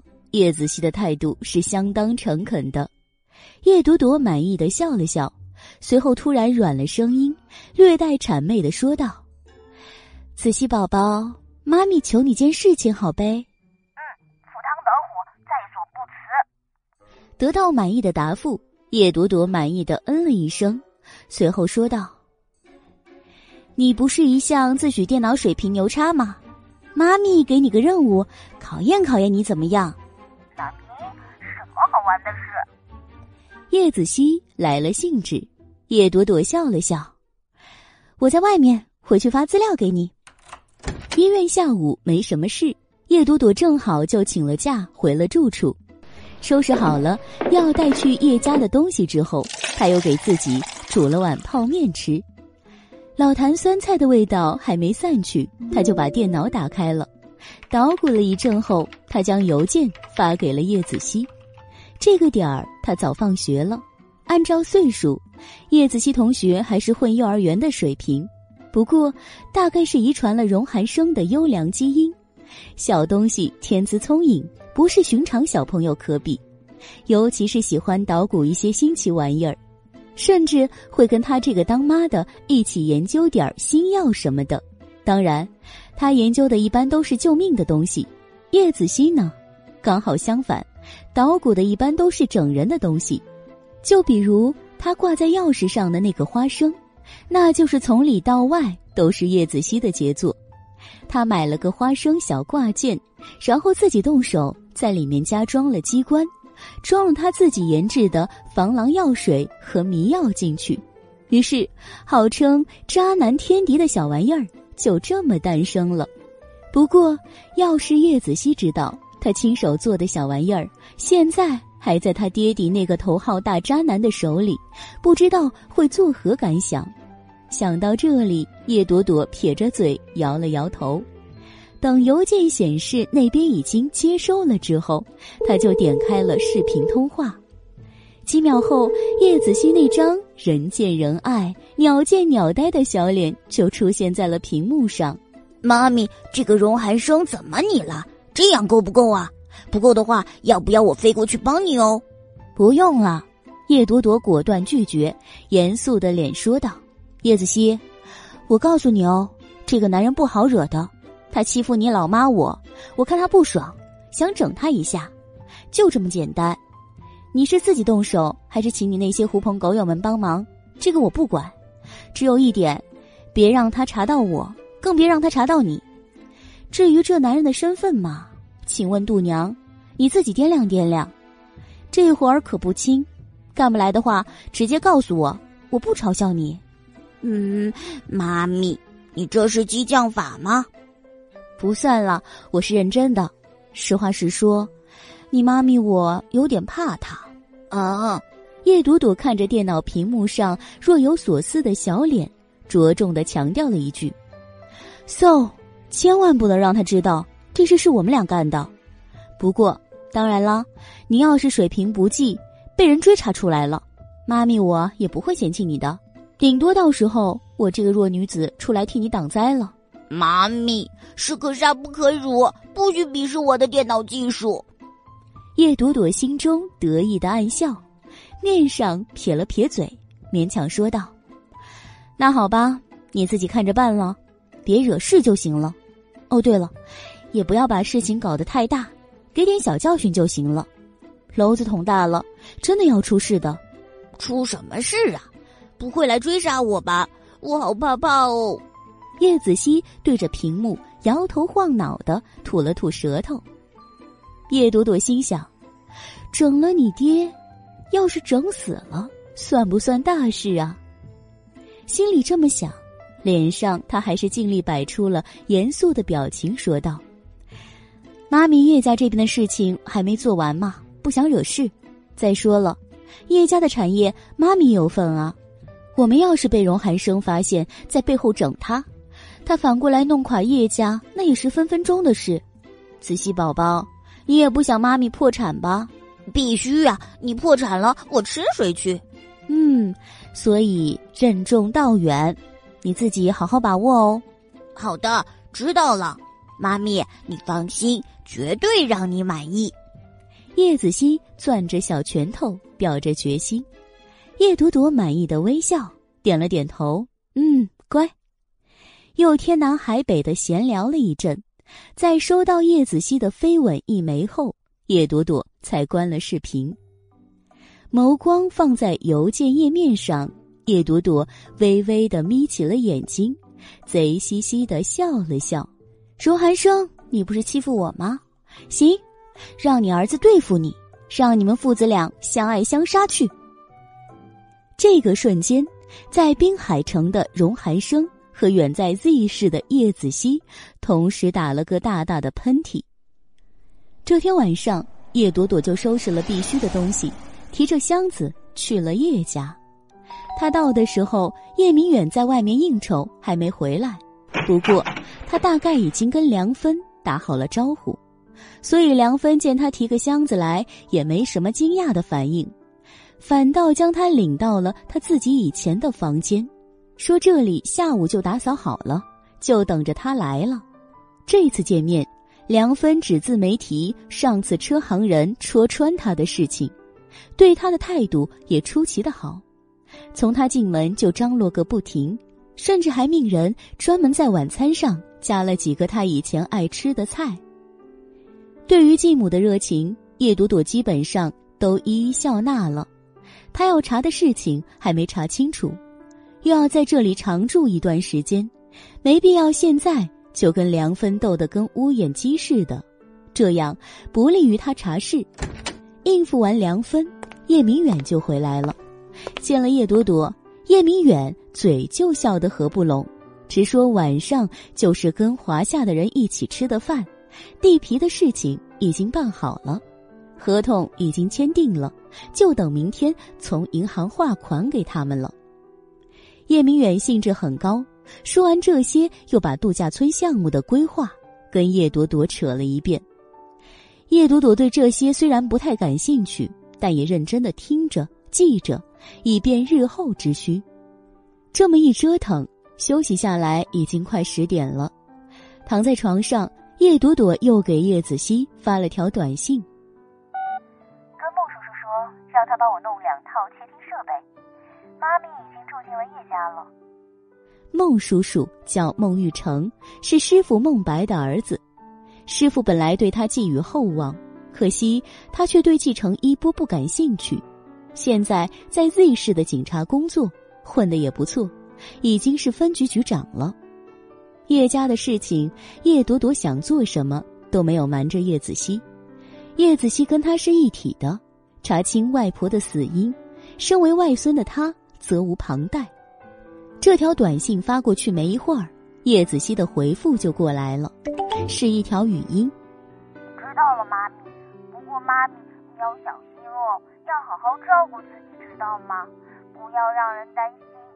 还有，妈咪，我到底什么时候能来看你呀？我想你了呀。最后一句，叶朵朵听得出来，叶子熙绝对是真诚的。听着儿子软软的声音，叶朵朵心里一暖。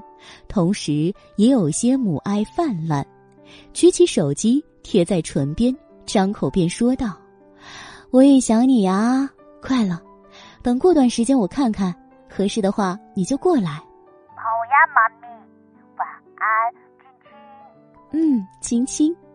叶朵朵喜笑颜开，叶子熙同学却在电话那头直吐舌，他可是小男子汉。亲亲这种事真是羞羞死了，然而谁让他妈咪喜欢呢？男子汉嘛，也要适当照顾老妈的少女心，不是吗？一夜好梦，第二天起床后不久，叶明远就告诉了他一个头天晚上忘了告诉的消息。叶明远说，这个消息其实本来跟叶朵朵关系不大，但是因为地皮的事情是他一手促成的。现在他就成了关键人物。叶明远想借这次地皮交易达成的事情办一个宴会，一方面替度假村的项目打打知名度，另一方面也是借此机会跟各方联络感情。当然，这次宴会不只是明远公司一家出面，还有陆氏地产在内。因为度假村项目虽是明远主导，陆氏其实也有涉及。而且两家又是姻亲，理应都有份参与。最主要的是，陆氏现在发展势头比明远好，有陆氏牵头，更能邀请到有分量的人出席。所以叶明远已经跟陆景成说好了，两家联手办。叶朵朵对于陆景成参加不参加这次宴会，她是一点儿也不关心，她关心的是另一件。叶明远说了。到时候，荣寒生也有可能出席，让他在宴会上眼睛放活络点儿，给他和荣寒生牵牵线，认识一下，交流交流。这个要求听上去并不过分，也是商场上惯用的建立人脉关系的手段。只不过，对于现在的叶朵朵来说，这可是件相当头疼的事儿。他跟荣寒生现在的情况。荣寒生恐怕恨不能捏死他呢，还牵线搭桥，他的父上大人真的想多了。但不管实际如何困难，眼下叶明远提出来了，他就得先应承着，具体情况如何，到时候再说了。这么想着，叶朵朵便没多说什么，哼哼哈哈的就将叶明远的话应付了下来。接下来两天。日子平淡无波，第三天的时候，叶朵朵提前下了班，去买了件晚宴要穿的晚礼服，然后又找了个造型中心，钻进去待了两个小时，出来。晚上八点，滨海市最高档的酒店门口，叶朵朵按时而至了。站在门口，随便扫一眼酒店门口的停车，叶朵朵就知道。叶明远和陆景成这次组织的不错，门口豪车云集，看来也是来了不少显贵们。不过，他好像没有发现荣寒生的车。站在门口的叶朵朵皱了皱眉，想了想，心里又是一声沈笑。重要的人物都是压轴出场吗？他其实是希望荣寒生今晚不要出席，那样他就不用面对他，更不用替父亲牵线了。不过看来他的想法也是太天真了。来了这么多权贵，荣寒生大概也会到的，到时候嘛，只能随机应变了。叶朵朵长呼了一口气，提了提略长的裙摆，抬步上了台阶。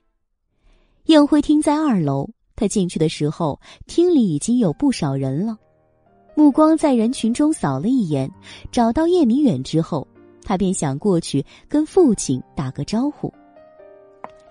脚步一动，身后就有人喝住了他：“朵朵。”听声音，不用回头，叶朵朵就皱了眉。他想装听不见，对方却已经追了过来。朵朵，你终于来了，我还以为你不来了。陆景城语气很惊喜，仿佛他已经期待他很久了。叶朵朵这才转身，冲他微微一笑：“爸爸让我过来。”我正好没什么事，就过来凑个热闹。姐夫，你怎么是一个人？我姐呢？他把“姐夫”这两个字挂在嘴边，陆景成听了有点刺耳，脸上的笑也没刚才那么灿烂了。他来了，在那边。他随手一指，叶朵朵也随眼一看，人群中，一身宝蓝色长裙的叶青言正在和几个看上去很高端的男人在说笑。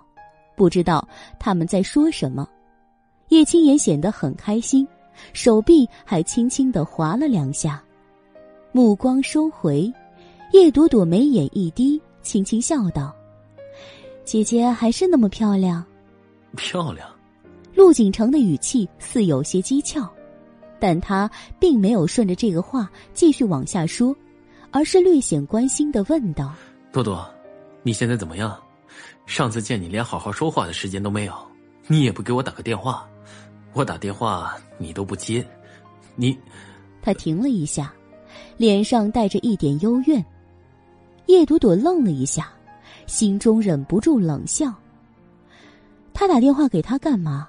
为什么要接他的电话？还想来一场姐夫和小姨子之间的余情未了，前缘再续，真是可笑。面对西装笔挺、英气不凡的陆景城，叶朵朵突然发现自己连吐槽都懒得吐槽了。姐夫，爸爸还在等我，我就不跟你多说了，我过去了。他笑笑，没接陆景城的话，就朝叶明远走去。今晚的叶朵朵长发挽起，画着精致的淡妆，穿着一身改良旗袍款的晚礼服。衣服是奶白色，胸口至腰深处绣着深蓝色复古的图腾绣花，这样的她看起来清雅高贵，又不失个性夺目。当这抹白中挑蓝的身影从眼前晃过去时，陆景城有瞬间的闪神。叶朵朵丝毫没有理会陆景城以显痴迷的目光。他直接迈着端庄的步子走向了正在和人客套的叶明远。爸爸，叶朵朵端着露八颗齿的标准微笑，乖巧的叫了一声。叶明远回头，目光落在这个经过了精心装扮的女儿身上，也怔了一下。他印象中的叶朵朵总是休闲装、高马尾或者直发披肩，没有任何装饰造型，却不知道。经过如此装扮的女儿，竟是让人眼前一亮。叶明远心中赞许，脸上笑容更加灿烂。他伸手就拉起了叶朵朵的手，高兴的说道：“ 朵朵，你来了，正好，刚好我和你梁伯伯他们谈到你，快来见见梁伯伯，你应该认识的。”他介绍的是以前的故交，叶朵朵当然也认识，所以也没犹豫。直接上前，甜甜的喊了一声“梁伯伯好”。简单交谈之后，叶朵朵才知道，经过那晚在会所里的事情之后，他真的是声名远播了。父亲介绍认识的人，几乎都有意无意的提到那天的事情，细节他自然不会多说，只能嘻嘻哈哈的应付。好在这些人也大多是点到即止，没有深究。一圈下来，他应付的也还算得体，没有出什么纰漏。父亲想让他见的人都见了，他刚想喘口气的功夫，入口处躁动了起来。他的目光捕捉到荣寒生那抹清长如玉的身影时，叶明远也凑到了他身边。多多，荣寒生来了，好好表现。好好表现。叶朵朵一愣，无语的蹙眉。他什么意思？还让他刻意讨好荣寒生？好吧，父亲确实是这个意思。他早该知道了，不是吗？但是。叶朵朵灵光一闪，整张脸皱起，扭头对叶明远说道：“爸爸，我，我好像有点不舒服。”这个借口很 low，叶朵朵自己知道，但是这个时候，她可不想跟那些人一样凑到荣寒生面前去献殷勤，所以她决定先逃，然后再想想怎么办，或者干脆逃过之后就别出现了。事后再跟父亲随便扯个借口解释一下，打定了主意，没理会叶明远那张已经明显难看的脸，他便直接一捂肚子：“爸，我先离开一下，等下再过来。荣寒生的事情，你放心吧。”说完，他便朝大厅后门方向急匆匆的走了。感谢您收听都市言情小说《总裁的恶魔小七》。欢迎收听都市言情小说《总裁的恶魔小七》，作者：初寒，演播：八一六和叶儿不清，后期制作：千雪，由喜马拉雅荣誉出品。第二十六集，从后门出了客厅，站在人比较少的走廊上，叶朵朵才松了口气。里面实在太闷，现在又来了个荣寒生。那就更闷了，不只是闷，还烦躁。时隔了几天，也不知道那男人现在看到他会是什么心情，应该还是很记恨他吧？嗯，一定是这样。那男人心眼那么小，怎么会把这件事翻过去，跟他和平共处吗？越想越烦躁，他朝门里看了一眼，索性顺着走廊往前走了。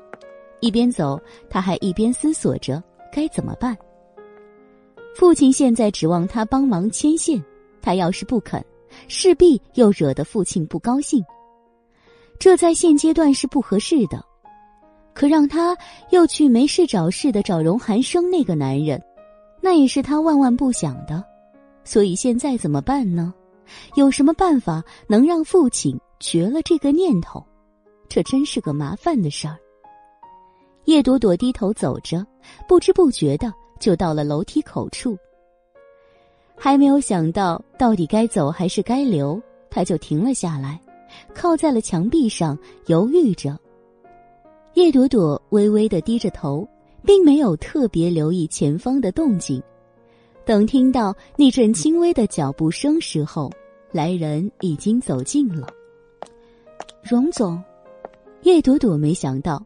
走到他面前来的是荣耀，而且瞧那个方向，他应该也是从后门出来的。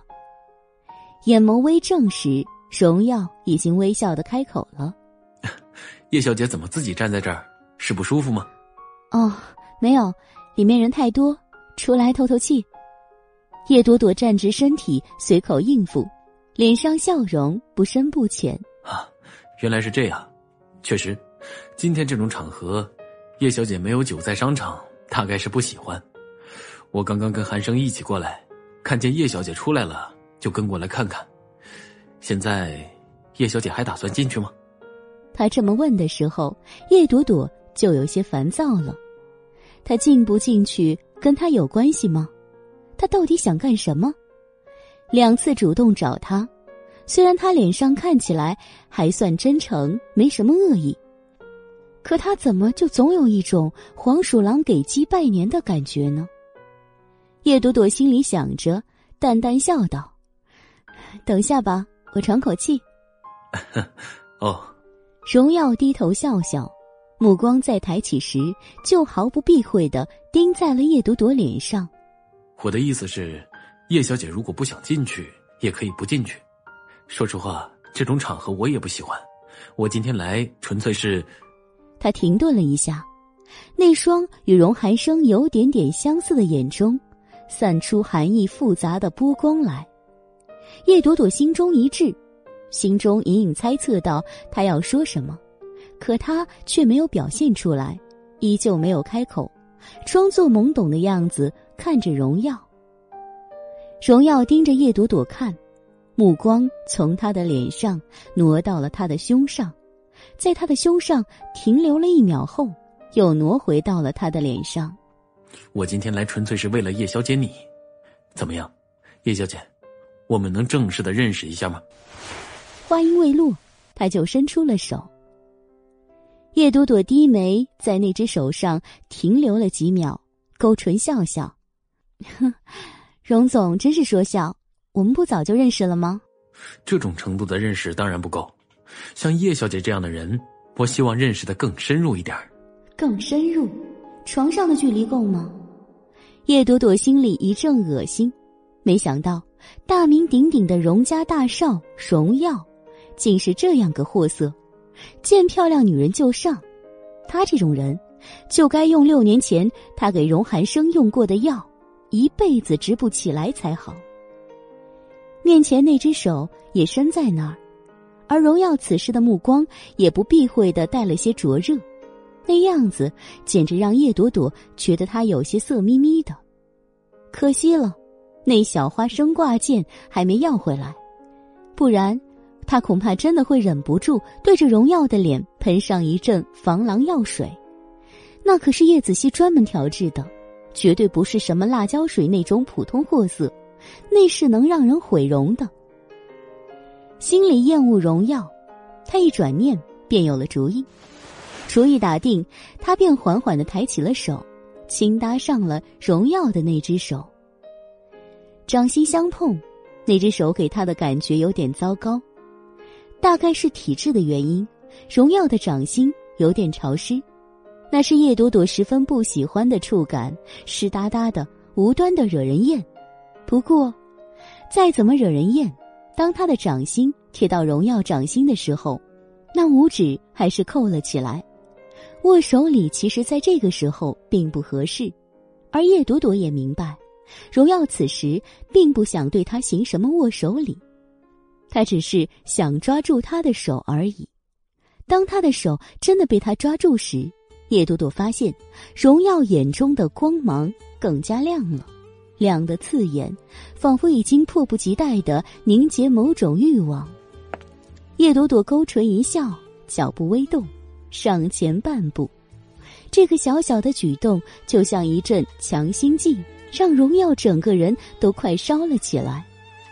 他的目光落在叶朵朵胸前的那朵深蓝的小花上，浑身的血液都在加速流淌。叶朵朵看着他的脸。将他脸上那种猴急的表情尽收眼底，心中冷笑。他的目光也热辣辣的回应着荣耀那贪婪的目光。粉唇微扬起时，他的左腿同时一软，身体便如无骨一般的朝着荣耀倒了过去。温香软玉的身体就这么扑了过来，荣耀当然要伸手去接，却没想到。他的手臂刚刚圈上叶朵朵柔软的身体时，他那下身某个重要部位就受到了重重一击。荣耀痛苦的闷哼一声，低头看着叶朵朵。叶朵朵无辜仰脸：“哎呀，怎么了？是我碰到你了吗？真是不好意思，我我我刚刚脚扭了一下，没站稳就撞到你了。荣总，真是对不起哦。不小心。”荣耀微微敛眸，眼中阴气弥散。刚刚那一下正中要害，什么不小心的，能不小心的这么凑巧？荣耀的手收了回来，咬牙紧绷着脸，没有吭声。那一下太重，他现在后背都疼出了冷汗。纵使眼前的女人确实清雅无双，确实娇美动人，他也无心再想了。叶朵朵离了荣耀的手臂，微微的歪着小脸冲他笑了笑。见他不吭声，又用十分轻快的语调说道：“荣总。”没事的话，那我先走了。刚才真的是对不起，荣总见谅，再见。说完，叶朵朵便打算转身顺着楼梯下去。他打算不管宴会的事了，先回去再说。还没转身，他就看见了一个人，荣寒生，此时就站在宴会厅后门处，带着说不清算什么样的表情，凉凉的睨着他。那样子似乎看了他很久，又好像还有些不高兴，等着他前去回话似的。叶朵朵的目光和荣寒生那两道目光交汇了几秒，最终放弃了逃走的念头，看了荣耀一眼后，便迎着荣寒生的目光去了。荣先生，你这是在这里恭候我？躲不掉。叶朵朵觉得自己干脆大方点。别搞得就好像欠他钱心虚了一样，所以说这话的时候，他故意的挑着下巴，小脸冷然，目光中甚至带着点避睨一切的傲气。荣寒生目光轻轻扫过叶朵朵的脸，朝他身后不远处的荣耀睨了一眼，讥诮勾唇：“哼，叶医生本事见长啊，怎么样，跟我大哥相谈还算愉快吗？”当然愉快，至少我这么认为。叶朵朵笑了笑，脸上酒窝浅浅浮现，略带淘气。荣寒生看过荣耀那张疼成了死灰色的脸，心下好笑。再看看眼前这个整了人还得意非凡的小女人，心中又起了另外的心思。二人在门口僵持的这会儿功夫，荣耀已经走了过去。两腿间还是疼得要命，他走路的姿势有点怪异，惹人发笑。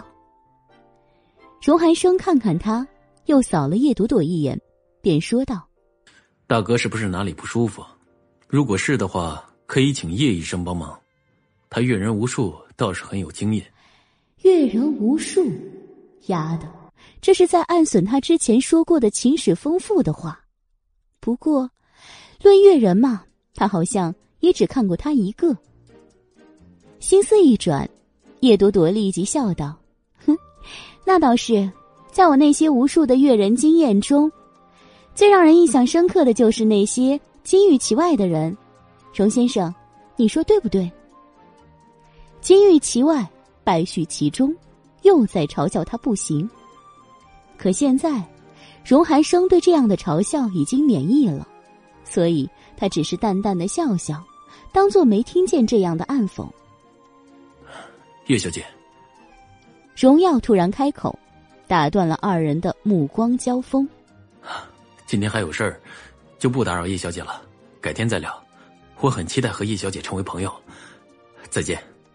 荣耀没有笑，脸上也没有什么愤怒的表情，只是目光稍显深邃。说完，他就迈着那不大自然的步子，从荣寒生和叶朵朵二人中间穿了过去。荣寒生目送着荣耀离开，目光挪过，看向叶朵朵，顷刻间也多了几分复杂的意味。没看出来啊，叶医生不光医术了得，这勾搭男人的本事也是一流的。话说的这么粗俗。叶朵朵不由得生了气，浅浅一笑，她便回道：“我怎么听的这话带了点酸味儿？荣先生今天出门前是喝了醋吗？不能生气，不能生气，生气了就着了这死男人的道了，一定要淡定。”叶朵朵心里暗暗的告诫自己，脸上始终维持着动人的微笑。荣寒生。眸色幽沉了少许，盯着叶朵朵沉默了几秒，才笑了笑。哼，我可没有这样的习惯，我只是好奇。好奇什么？他没说，而是身体直接前倾了过来，手臂伸出，直接搂住了叶朵朵的腰。那条手臂紧紧圈上来的时候，叶朵朵此时的心情是崩溃的。她可没想到这男人会在门口就这样暧昧的搂住她，所以呢，她低估了他脸皮的厚度。我只是好奇，你为什么看到我来了就跑？叶医生，你不会是做了什么坏事心虚吧？并没有，叶朵朵果断否认。做坏事的是你好吗，荣先生？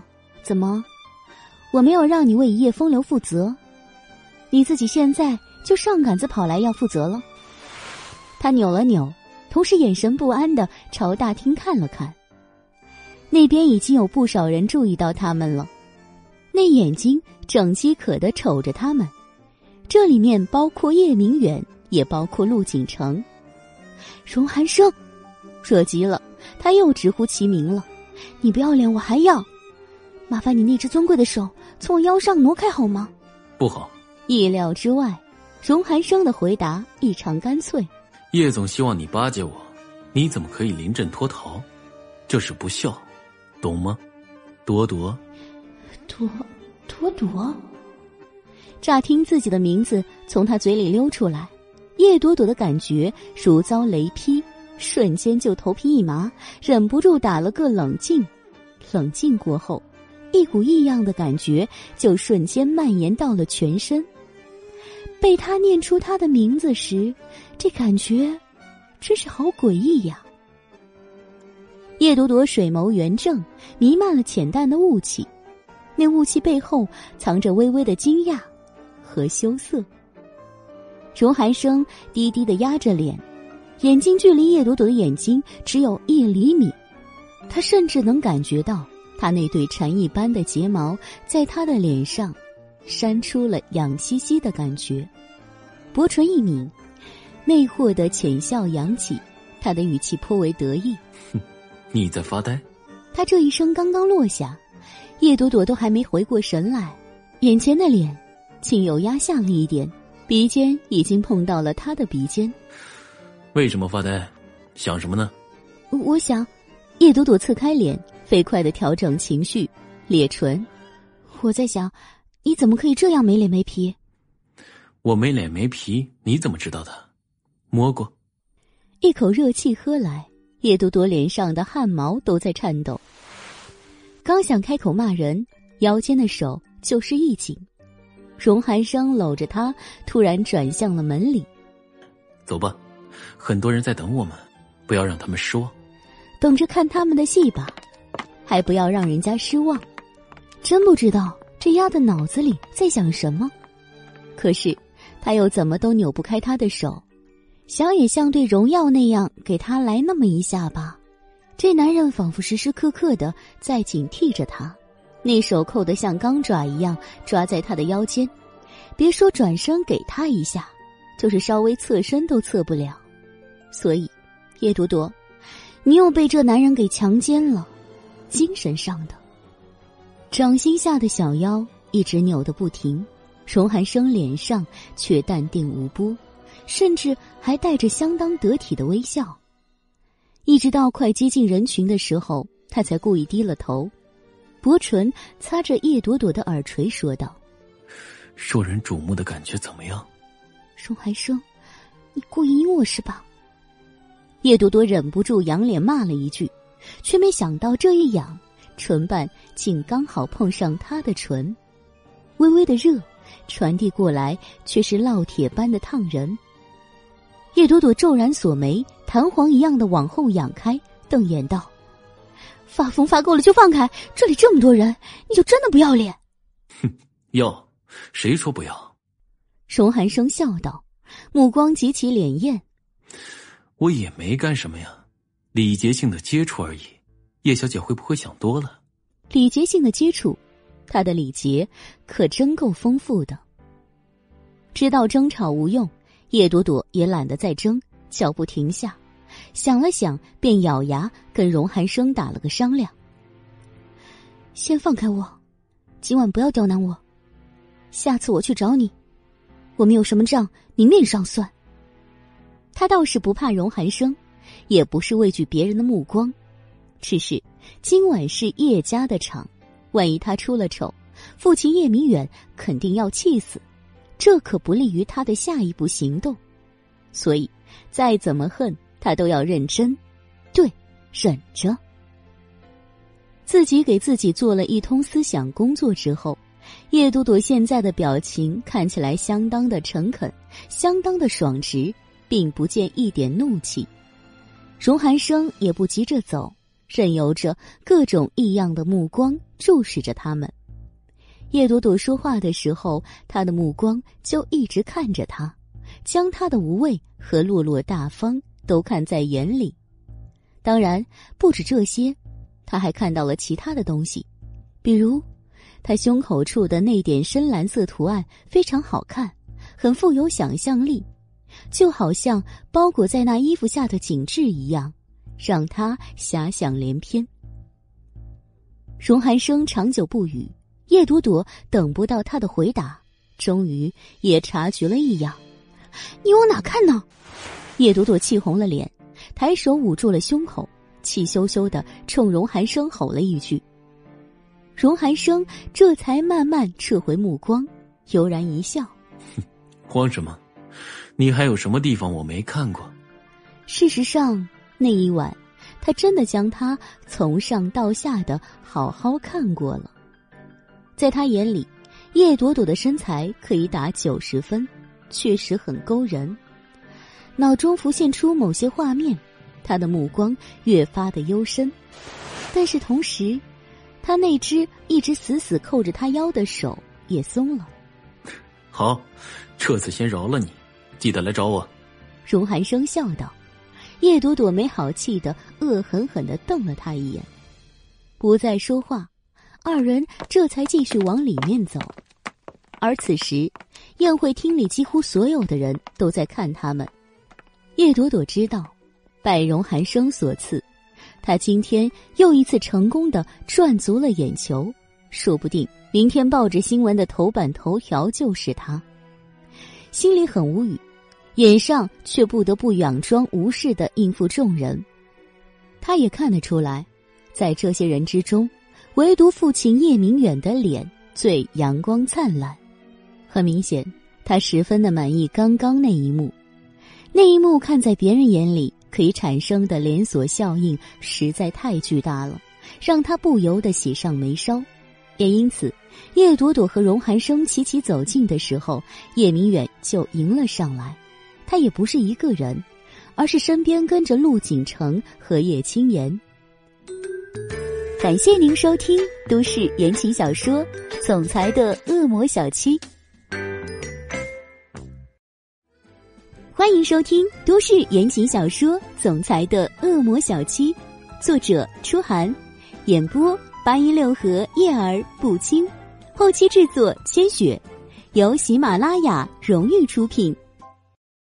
第二十七集，几方聚齐，叶明远便目光灼热的看向了荣寒生。啊，没想到荣先生和小女还很相熟啊，朵朵这丫头也是。回去从来没跟我提过荣先生你，啊，错过了许多和荣先生深交的机会。来，我介绍一下，这是我大女儿和女婿，陆景成，陆氏地产现在的总裁。荣先生，你们应该是认识的。叶明远说着，就看向陆景成，向他示意。陆景成看着荣寒生，脸上虽然也带着微笑，但是却远不及叶明远的灼热。反倒是还带出了点儿针锋相对的意思。荣先生，我当然是认识的，以前见过几次，但是没想到你跟朵朵这么熟。陆锦城看看叶朵朵，目光转回荣寒生脸上时，多了几分阴冷。荣寒生早已经查过叶朵朵的资料，自然也知道眼前这位是谁。四道目光碰在一起时，他淡淡的一笑。陆先生这话说的奇怪，这有什么想得到或者想不到的？难道朵朵做什么事还要跟你这个当姐夫的汇报不成？荣寒生就是荣寒生，除非有什么利益相关的事，否则他不会迁就一个不如他的人，而说出来的话又总是直白的，让人难堪。此时难堪的不只是陆景城，还有叶青言。女人在这方面向来敏感，一听这话，自然就听出了荣寒生的话外音。在此之前，他只是苦恼于陆景城对外面那些女人有花花肠子，从没多想对离开六年归来的叶朵朵，他还有什么别样的心思。现在一听荣寒生的话，再看看陆景城那副恨不得将叶朵朵吞进肚子里的样子，叶青言的脑子就像瞬间被闪电劈开了似的，什么都亮堂了。霎时间，他惊愕的同时，带着浓烈愤怒的目光，便射向了叶朵朵。叶朵朵对上那两道目光时，心里就恨不能捏死荣寒生那个嘴欠的。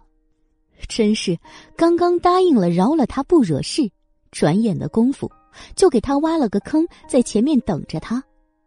男人的话要是靠得住，猪都能爬上树。这句话果然一点没错。想到这。不想这剑拔弩张的气氛失控，他便开口向叶明远说道：“爸爸，宴席马上要开始，我们别站在这里了，那边还有很多人等着我们。”哦，对对对，那边确实还有不少朋友等着我帮他们引荐荣先生。再怎么藏，叶明远的谄媚还是不经意的流露了出来。由此看来，陆景城倒算是有几分骨气，只不过。他这硬骨气来的有点莫名其妙。叶朵朵跟着荣寒生的步子往前走，目光轻轻的在陆景城脸上扫了一下，并没有停留。叶明远在前，叶朵朵和荣寒生并排其后。走了一小段，就快到叶明远的朋友那边的时候，伊森不知道从哪个角落找到了这里，急匆匆的来，在荣寒生的耳边说了一句。他的声音很低，叶朵朵没听见说什么，只看见荣寒生脸色突变，正猜测着，就见荣寒生扭头过来看他，那目光阴飕飕的。是你？我什么呀？问出这句话的时候，叶朵朵其实心里已经有了猜测。荣寒生目光如炬，脸色也没了刚才的轻松。阴沉的，仿佛风雨欲来，但这真的不是叶朵朵干的，起码不是他亲手干的，所以他装出那种此事完全与我无关的无辜模样来，那是完全没有压力的。荣寒生的目光在叶朵朵脸上检视了足足一分钟之久，方才慢慢缓和。最好不是你，不然的话，小心你的小命。话音没落，他的手就伸了过来，捏住了叶朵朵的脸颊，力道极大的扯了扯。叶朵朵皱眉，抬手挥去他的手，揉着发疼的腮帮子：“你放心，你荣寒生是谁？我避犹不及，不敢招惹你。”这句话的暗语是：你就是瘟神，根本不想沾染。不过话说回来，叶子熙，你可得争气呀！千万别被这个男人抓住了小尾巴。叶朵朵眼睛盯着荣寒生，心里这么想着。他之所以会找叶子熙出来对付他爹，是因为叶子熙现在身在一个什么他总是记不住名字的社团里，那里面都是些电脑鬼才，技术水平一流。用叶子熙的话来说，就是神马国防部的系统都能来去自如，轻轻的来，轻轻的去。不带走一片云彩的那种。叶朵朵本来也总是对叶子熙挂在嘴上炫耀的这些东西嗤之以鼻，没有当回事儿。可有一次，那个小东西竟然利用他的电脑技术，帮着孟玉成抓了一个上面挂牌督办的杀人犯之后，叶朵朵对他的印象改观了。最离谱的一次，有一天，小东西兴奋的跟抽了大烟一样，一整天。他还不知道为什么，晚上偷偷摸摸的告诉他，他和那些狐朋狗友一起黑了某国政府的官网，P 了张奥特曼的照片放在了官网首页。那时候叶朵朵真的吓呆了，一连好几天都在胆战心惊，别有什么国际刑警从天而降来抓人。直到这件事最后不了了之，他的小心肝儿才渐渐复位。也是从那时候起，他终于对叶子熙一天到晚嘀嘀咕咕说的那些东西有了新的认知和信任，所以这次才会请那个小东西出马收拾他老爹。这也算欲盖弥彰吧。他跟荣寒生这么不对付，叶子熙应该也不会怀疑荣寒生就是他爹了。呵呵哒，瞧荣寒生这脸上，估计亏吃的还不小。那你怪谁呢？自己作死喽。叶朵朵心里十分开心的想着，腮帮子不疼了，脸上就带出了善解人意的微笑。那你要不要提前离席处理你的麻烦？没关系的，我会帮你跟他们解释。荣寒生眼眸一紧，凶光隐隐浮动。不过，他却没再理会他，而是转向了伊森。你先回去找人处理，我晚点过去。伊森领命而去。荣寒生目光转回的时候，叶朵朵朝他无辜的眨了眨眼。荣寒生收回目光后，就迈步向前，不再搭理他。叶朵朵跟在后面，朝着他那修长挺拔的背影吐了吐舌头。宴会的后半程，二人交集不多。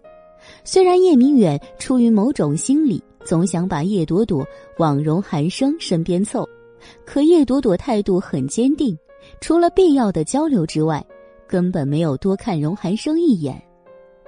这样又过了两个多小时，宴会结束，荣寒生走的时候，叶朵朵被叶明远拽着送了他几步。就那几步里，叶朵朵都能感觉到荣寒生的目光不善。很明显，这男人不相信他，心里倾向于是他在背后搞鬼。不相信就不相信，反正你也查不出什么来。叶朵朵自信的想着，转脸就把荣寒生那张阴沉到极致的脸给抛到脑后去了。宾客都走了，剩下来的只有叶家自己的人。叶朵朵站在宴会厅门口，长舒了一口气，抬脚踢了踢，活动了一下脚腕。她不习惯穿很高的高跟鞋，今晚穿了一晚，穿梭于人群中，现在感觉脚都要断了。一只脚活动完落地，准备换另一只脚的时候，突然耳边惊雷似的炸响了一声：“叶朵朵！”一听这声音。叶朵朵就知道所谓何事，扭头看向叶青言，他也没什么好脸色。姐姐忙了一晚上，你还是这么中气十足，我真是佩服。不过不好意思，我累了，不想陪你聊天，我走了。不想搭理叶青言，他便朝门外走去。哪知叶青言一把抓住他的胳膊：“你别走，说清楚，你跟锦城是怎么回事？”你们是不是背着我常联系？我，叶朵朵刚一开口，眸光就越过了叶青言的肩，看到了正在往这里走来的陆景城，心念一闪，他面向叶青言，挑衅的笑了笑，压低声音说道：“是啊，我们是常联系，还常见面，有一次还在酒店开的房间见面的。景城说这样有私密的空间。”更易沟通。你，叶青言果然是被气着了，看着叶朵朵神采飞扬的小脸，根本没去分析他话中内容的可信度，便怒火上头，手指一紧，另一手就抬了起来。你怎么这么不要脸？自己姐夫也勾引？他的巴掌瞬间落下，正对着叶朵朵的脸就扇了下来。叶朵朵猛地一抽身，没有完全侧开，也没让他的巴掌真的落在自己的小脸上，只容他的指尖扫到了自己的耳鬓，同时他不遗余力的惊呼一声“啊”，随后就抬手捂住了脸颊。时间掌控的正好，他的惊呼声刚刚落下，陆景城就到了眼前。青言，你在干什么？陆景城呵斥一声。随手就扶住了叶朵朵的肩膀，肩上感觉到那只手的重量时，叶朵朵心中涌起了一阵厌恶。姐夫，忍着厌恶，他可怜兮兮的抬眸看了陆景城一眼。叶青言的指甲很长，刚刚那一巴掌指尖扫到他的鬓发，带出了几缕凌乱的发丝，所以此时陆景成看到的就是他捂着脸、神色委屈、发丝凌乱的被打模样。对不起，以后我不会再跟你说话了。你现在是我姐夫，我不想让姐姐误会。你们说吧，我走了。说完。他便挣开了陆景成的手，低着头，疾步朝外面走了。陆景成掌心一空，转身盯着叶朵朵的背影，脸阴的能拧出水来。景城，你还看他？叶青言将陆景成痴迷的样子尽收眼底，忍不住厉吼。陆景成转过脸来，面色铁青的盯着他几秒。突然抬手甩出去一巴掌。叶朵朵出了酒店后，就接到了叶明远的电话。他本来还指望着能搭父亲的车回家，没想到叶明远还有别的局，只不咸不淡的叮嘱了一句：“晚上了，让他小心。”并没有说要派人送他回去。他自己的车问过车行，说要下周才能拿到，所以今晚。又得打车，提着裙摆，踩着近十厘米的高跟鞋，一身宴会装的他站在路边，相当扎眼。等车的期间，还有刚刚在宴会上走得迟的宾客看见他，要送他一程。可每当他看见车主那双跟荣耀类似的眼睛时，他便拒绝了。虽然叶明远在某种程度上已经把他当成了交际花。用来拉拢各路关系，但他叶朵朵知道，他可不是，也不想成为父亲的棋子，所以这些不必要的殷勤，他不接受。此时已是晚上十点，寒凉的夜风吹来，路边的叶朵朵不由得抱了抱双臂。就在他竭力张目看着远处有没有空车的时候，在他身边不远处突然出了状况。听到动静，转头看去，叶朵朵才发现是个男人突然倒在了地上。光线不强，她看不清状况，只大概判断是昏迷。那男人倒地没一会儿，旁边就聚集了几个路人，有人弯腰查看，有人直接站着指指点点，反正都没有帮忙。这是时下的风气，叶朵朵没觉得奇怪，可即便如此。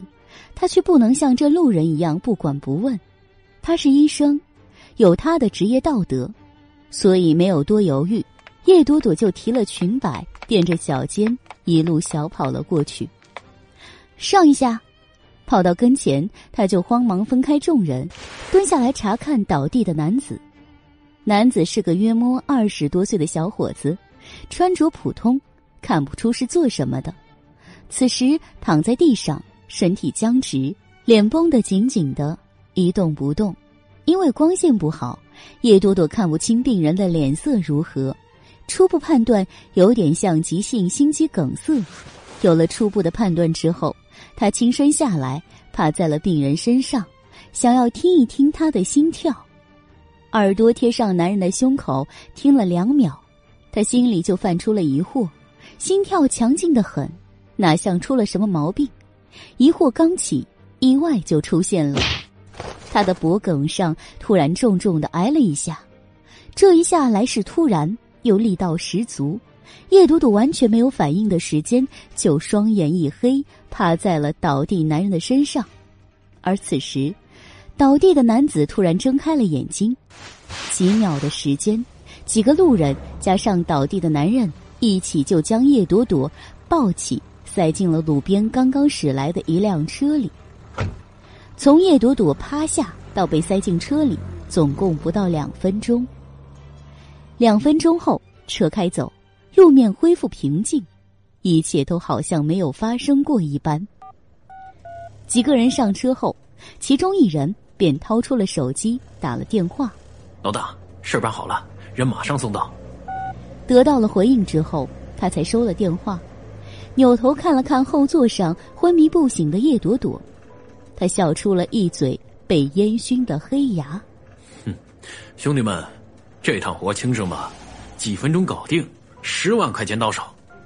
那是的，老大一向会接活。后座看守叶朵朵的人奉承。这人说完，另一人又瞄了叶朵朵一眼后，接着说道：“不过，大哥。”我们真的要把这小娘们送过去吗？瞧这模样标致的，要脸有脸，要胸有胸，自己不用用实在太亏了。大哥，不如这样，我们，你他妈给我闭嘴！副驾驶上刚刚打电话的男人瞪了这人一眼。黄毛，你这尿性是改不了了。我们接活就接活，买主的东西不能碰，这是规矩。不然出了什么娄子，你兜着。有这十万块钱，兄弟几个还不够找娘们乐呵的。呃 黄毛揉了揉自己的头发，有些尴尬。也是也是，大哥说的没错。叫大哥的人皱了皱眉，不再理会他，直接看了叶朵朵一眼。你们看好他，我听说这小娘们是什么神医的弟子，别让她醒了，醒了不好弄。哎，是，大哥你放心，有我们呢。黄毛逮了机会似的保证道：“大哥，扭过头去，目光看似前方，不再吭声。”七座的面包车在市里穿梭了一个多小时后，出了市区，开向了郊区某处。又是一个多小时，车终于停在了一处别墅前。这是一处外表看起来并不特别华丽的别墅，两层小楼，红砖墙，样式和装饰。都十分的普通，或者说是低调，夹在这个不大不小的别墅区里，并不显眼。后侧车门拉开，先是跳下来两个男人，随后两人合伙把叶朵朵给拽了下来，抬进了别墅里。二人抬着叶朵朵刚走上台阶，身后一个拿着叶朵朵手提包的男人就叫了起来：“哎，这小娘们有电话，关了手机。现在都有什么追踪系统？”别暴露了！刚刚跳下来的老大吩咐道：“拿出手机的那个人看了自己老大一眼，面带崇拜的说道：‘啊，还是老大想的周到，我这就关了。’他这边把叶朵朵的手机关上，前方的两个人也把叶朵朵抬进了别墅里。别墅的客厅里此时已经有人了，一个男人坐在偌大的米白色真皮沙发上。客厅里按方位站了几个黑衣黑裤的负手而立的保镖。先生，人带来了。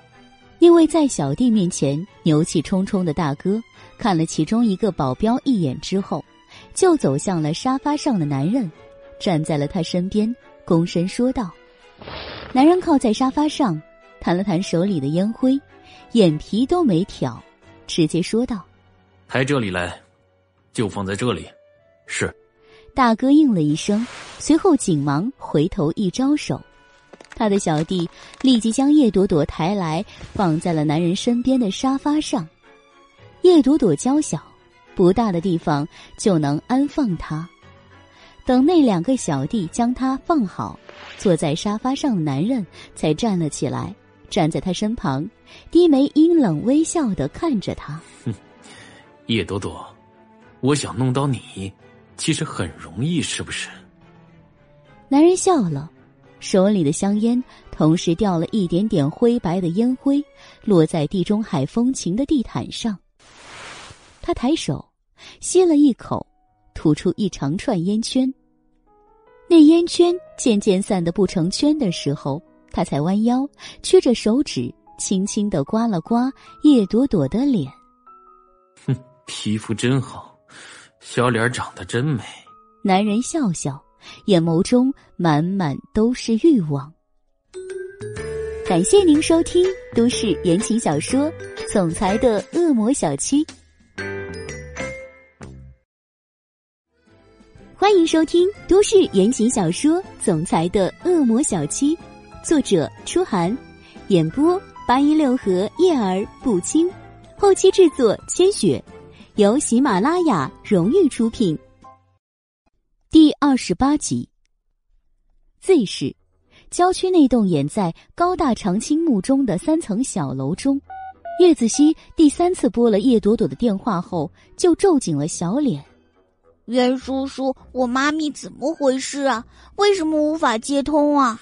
你妈咪可能有什么重要的场合，不方便开机吧？袁木靠坐在沙发上，一边翻着一本医学资料，一边随意的答道。叶子熙皱着小脸看看他，又窜到他身边，小手扒着他的肩膀说道：“这都什么时候了？大半夜了，还有什么重要场合呀？”“嗯，手术啊，你妈咪可是专家级的人物，半夜有个急诊也很正常。”不正常，叶子熙小脸果决。我妈咪做手术的时候，一般都会把手机放在办公室，不会关机，这样不会影响手术，也方便查看来电。嗯，袁木愣了一下，目光缓缓从书本上挑起来，看向叶子熙。那你的意思是？我觉得妈咪肯定出事了。说到这里，叶子熙的小嘴就扁了。妈咪肯定出事了，她从来不这样的，晚上睡觉都不关机。以前跟我在一起就这样，现在一个人跑滨海去，丢我在这里，更不会晚上关机了。哎呀，不行，妈咪肯定出事了。叶子熙爬下来，在地上直打转。不行不行，袁叔叔，我要去滨海。停下来，叶子熙就瞪了眼，认真的说道。袁木听他这么说，立即皱起了眉。那可不行，你妈走的时候把你托付给我，说好了看着你，不许你乱跑的。我怎么是乱跑呢？我要去找妈咪呀！叶子熙的小身子瞬间又扑了过来，胳膊抱住袁木的胳膊。袁叔叔，你相信我，妈咪现在肯定出事了，这是心灵感应。小小的人儿一本正经的跟他说心灵感应。袁木觉得有些好笑，你还有心灵感应了？叶子熙圆溜溜的大眼眨了眨，重重点头：“亲儿子必须有啊！”袁木笑笑，揉了揉他细软乌黑的头发：“好了，你妈咪是什么人，你还不了解？一般人哪能欺负得着她？你别担心了，睡一觉，也许明天就能联系上了。”他不是一般人，欺负他的更不是啊！叶子熙仰头认真的说道，怕袁木不相信他，又说：“袁叔叔，你信我一回行不行？我就觉得妈咪出事了。”被他缠的没办法，袁木想了想，只得想了个主意。这样吧，你妈咪不是说已经住进你外公家里去了吗？我给你外公那边打个电话，问问看。我外公那不是我外公，小小人儿竟然也脸色冷然，露出了些许不屑。妈咪跟他们在一起，我才不放心呢。你都没见过他们，就这么不喜欢？袁木好笑的说道。叶子熙小嘴一翘，冷哼一声：“哼，欺负妈咪的人都不是好人，不需要见。”呃，脑残粉。袁叔叔。叶子熙不高兴了，小眼睛一瞪：“你到底要不要去问啊？还有妈咪的好朋友柳阿姨，嗯，我打电话给柳阿姨，你去问那一家人吧。”直接就那一家人了。看来这小东西心里对叶家怨气不小啊。袁木心里想着，点了点头，没再说什么，走到一边，拿出了手机。叶朵朵跟孟白学医的事情，叶明远知道。所以他以师兄的身份问一下叶朵朵的行踪没有问题，只是那个小东西要是突然跑到滨海了，站在叶明远面前，叶明远不知道会作何想。袁木一边想着，一边拨通了电话。这边客厅的另一边，叶子熙也找到了柳倩的号码，拨了过去。几分钟后，他们在沙发边碰头。袁叔叔，你那边也是不知道吗？完蛋了，妈咪真的不见了！一见袁木的脸色，叶子熙的小脸就垮了下来。问了亲人和朋友，都不知道踪迹。袁木也蹙起了眉，但是不想叶子熙太担心，他又安慰的说道：“不一定那么严重的，你外公，哦，叶总，叶总说他们晚上一起参加一个晚宴，晚宴后他跟朋友走了，你妈咪自己回的家。他说你妈咪就是那个性子，有可能去哪儿玩了，暂时联系不上。我妈咪什么性子呀？叶子熙不高兴的瞪眼，自己不担心，还怪我妈咪贪玩。袁叔叔，我就说了找他们没用，不管了，我要去滨海。小家伙的拳头都攥了起来，一脸坚决。袁木看着他的小脸，想了想，又扭头看了看外面。嗯，就是去，现在也去不了，明早才有飞机，等明天吧。也许明天早上你妈咪自己就来找你了。呃，叶子熙没说话，顺着袁木的目光。看了看外面漆黑黑的天，才说道：“那只能这样了。”目光转回，他的小眼睛里又放了光。对了，那个人有没有告诉你他们在哪里举办的宴会？嗯，好像是梦魇。好嘞，叶子熙叫了一声，就捏着手机噔噔噔的跑上了二楼。袁木还没有反应过来，他就已经跑到了楼梯上。袁木追了过去。哎，你个小东西，又想到什么了？监控呀！叶子熙顾不上回头，急匆匆的说道：“我去滨海交警系统看看。”袁木顿时流了一脑门的冷汗。侵入人家的交警系统，还这么风轻云淡的说去那边看看。天哪，这天不怕地不怕的性格，还真像他那个师妹。不过这小脑瓜也真的挺好用的。反应够快，自己人过不去，事情已经开始做了，就是不知道这小东西能在监控里查到什么，千万不要是真的出事才好。想到这里，袁木的心也沉了沉，跟着叶子熙的脚步就上了二楼，钻进了他那间摆满了各种新奇小玩意儿的房间里。约摸一个小时后，房间里爆出了一声哀嚎。哦，完了完了！我就说吧，我就说吧，妈咪在外面总是不带脑子，还同情心泛滥，这下真的出事了。嗯，怎么办？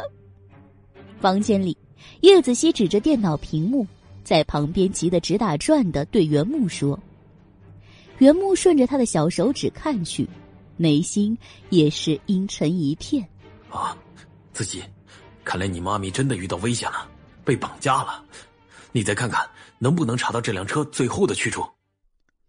翌日早上六点，天蒙蒙亮的时候，叶子熙就顶着两只熊猫眼，拖着比他只矮一点点的小皮箱出了门。人小腿短，他却走得很急，一边走一边还苦着小脸对身旁的袁木说道：“袁叔叔，昨晚查的那车跑出市区就找不到踪迹了。”他们都知道刻意避开摄像头，那肯定不是一般的绑匪。我好担心妈咪，怎么办？他那么笨，现在会不会已经……叶子熙小脸苍白、揪心的模样让人心酸。论智商，他虽然聪明绝顶、出类拔萃，但毕竟年幼，又是一直跟着叶朵朵相依为命，所以心理上很依赖妈咪。只这一个晚上没有妈咪的消息。极少掉泪的小东西就急得要哭了，袁木看在眼里，疼在心里，伸手摸了摸他的头，安慰的说道：“不会的，你要相信你妈咪，我相信她，她不会有事的。”他的话语中透着一抹坚决。叶子熙仰头盯着他看了看，小嘴撇撇，没再说什么。几个小时后，飞机降落在了滨海机场。因叶朵朵之前告诉过袁木他现在的住处，所以袁木就带着叶子熙直接去了他公寓那边，找了个开锁工，直接开了门进去。一进门，皮箱放好，叶子熙就打开皮箱，从里面掏出了一个 U 盘，对袁木说：“我要去见荣寒生。”嗯，还在四下打量屋子的袁木愣了一下，不解的看着孩子充满稚气。却挂出几分老成表情的小脸。叶子熙攥着手里的 U 盘，小脸冷凝。我想了一下，这事肯定是妈咪的仇家干的。那个荣寒生就是头号嫌疑犯，妈咪从来没有让我帮他出手教训过谁，荣寒生是第一个，可见他们的梁子结大了。说不定他好色觊觎我妈咪，我妈咪不肯，他才绑架他。反正现在也没有头绪，就从他开始。呃，但是荣寒生不是一般人，这样会不会太冒失啊？袁木虽然没有和荣寒生接触过，但他比叶子熙更清楚荣寒生是什么样的身份背景，所以他有顾虑。但没想到叶子熙听了他的话，就把小脸一沉。现在管不了冒失不冒失了，但是强龙也是这个地方的地头蛇，现在在这里找人，找他就是最好的选择。如果是他，我可以逼他放人；如果不是，我可以要求他帮我找人，怎么算都没有坏处。愣了一会儿，他低眉看了看叶子熙手中的 U 盘，试探的问道：“你 U 盘里是什么？”跟荣寒生谈判的资本。呃，确定够吗？够不够都要试试才知道。叶子熙脸上没有丝毫畏缩的表情，一双小眼熠熠生光，充满了坚毅和果决。袁木愣怔，没再说什么，只心想：这孩子的亲爹也不知道是谁。叶朵朵虽然也够强悍，可这孩子似乎还青出于蓝。能有这么个儿子也是福气。他心里想着，也知拦不住这孩子，便没再多言。但是叶子熙又毕竟还是个孩子，为了安全考虑，他还是坚持陪着他去了地勤总部。在前台报上名字，前台直接来了一句：“荣寒生早上有重要的事，没有预约，不见客。”前台小姐长得好看，可说这番话的时候，那脸拉的比马脸还长。似乎还带着点鄙视，那样子仿佛在说：“小屁孩，你谁呀？荣寒生是你爹吗？想见就见。”叶子熙本来就心急，来了又被人阻拦，见不到，心里就更窝了火，也懒得再多说，瞪了前台一眼，就甩开小腿，直接朝电梯冲过去。前台一见他就这么窜过去了，哎了一声后，慌忙追了过去。他穿着高跟鞋，叶子熙又跑得快。等他追到的时候，叶子熙就已经站在了电梯口处，摁了上楼的控制键。前台一把抓住叶子熙的衣领，顿时火大了：“你这孩子怎么这么没礼貌？都说了不让你进去，你怎么回事啊？”说完，他就看向随后追来的袁木。袁木冷冷的瞥了一眼他的手，也没有顾忌什么，伸手就攥住了他的手腕。将他的手从叶子熙的衣领上拉了下来。小姐，对不起，我们只是想见荣寒生，你让我们进去，有什么责任我们担着，荣寒生不会找你麻烦的。那不行，这是规定，你们不能进去。前台态度强硬，冷脸说道：“再不走，我叫保安了。”袁木刚想说话，那边电梯的门开了，叶子熙毫不犹豫的就窜了进去。直接摁了关门键，电梯门关上，前台的惊叫瞬间被隔绝在门外。十几秒之后，电梯停下，叶子熙攥紧了手心，迈步走出了电梯。走廊里静悄悄，叶子熙人小，并没有引起什么注意，就在长长的走廊上溜达了一圈。在走廊尽头一间大会议室里，他发现了很多人。看来这里正在开会，开会，荣寒生就应该在。叶子熙想了想，惦记着他妈咪的安危，他也顾不得什么了，直接就站到了门口，不用吭声，他很快就被人发现了。会议室门口突然出现了一个丁点大的孩子，发言人停住了，所有人的目光都集中到了叶子熙身上。在这同一时刻，叶子熙扬起了小脸，顺着椭圆形会议桌扫了一眼，最后盯着一个人的脸，声音朗朗的说道：“我找荣寒生。”正在开会的时候，被一个突然闯入的孩子指名道姓的喊。荣寒生觉得，这种感觉很诡异。眉心微微一蹙，他的目光也凝在了叶子熙脸上。他还从没见过这么特别的孩子，小小的一个人站在那儿，近似不容小觑。荣寒生没吭声，秘书已经站了起来，慌忙出来，对叶子熙说道：“你是谁家孩子？怎么跑这里来了？快离开！”秘书室还有人，却让一个孩子突然跑来。身为市长的他，生怕荣寒生责怪，所以说这话的时候，手也伸了出来，等不及就想将叶子熙赶出去。叶子熙被他推搡了一下。趁着身形不稳的功夫，一弯腰从他的臂弯里窜了出去，直接跑到荣寒生面前，小腰一挺，站得笔直，说道：“我要跟你说件事，让他们出去。”荣寒生看着面前这个比座椅靠背高不了多少的孩子，眉目间先是愣怔，而后凝上了点点兴味。沉默了几秒，他朝已追进来的秘书扫了一眼。挥了挥手，秘书会议虽然有些震惊，他竟会为了一个孩子终止会议，但行动上还是迅速的执行了他的命令，快速的疏散了会议室里的人。偌大的会议室安静下来，荣寒生才将目光重新凝聚在叶子熙脸上。这孩子模样生得好，小小年纪。就能看出，长大后必定是个风流倜傥的美男子。只不过，就年纪而言，他这表情过于冷淡了，少了点呆萌，冷淡的让人心惊。他看着你，就仿佛在审视一个罪犯，让人不免心颤。这种感觉冒出来的时候，荣寒生心里不由得觉得好笑。他还有被一个孩子震慑住的一天。真是越活越回头了。收敛心神，他看着叶子熙，缓缓开口：“你是谁？找我有事吗？”虽然这个孩子突然跑到他的会议室来，指名道姓、毫无尊敬可言的跟他说话，但是莫名的，他就是对这个小东西产生不了厌恶感，相反，还有点赏识，所以说话的语气也不由自主的放缓了。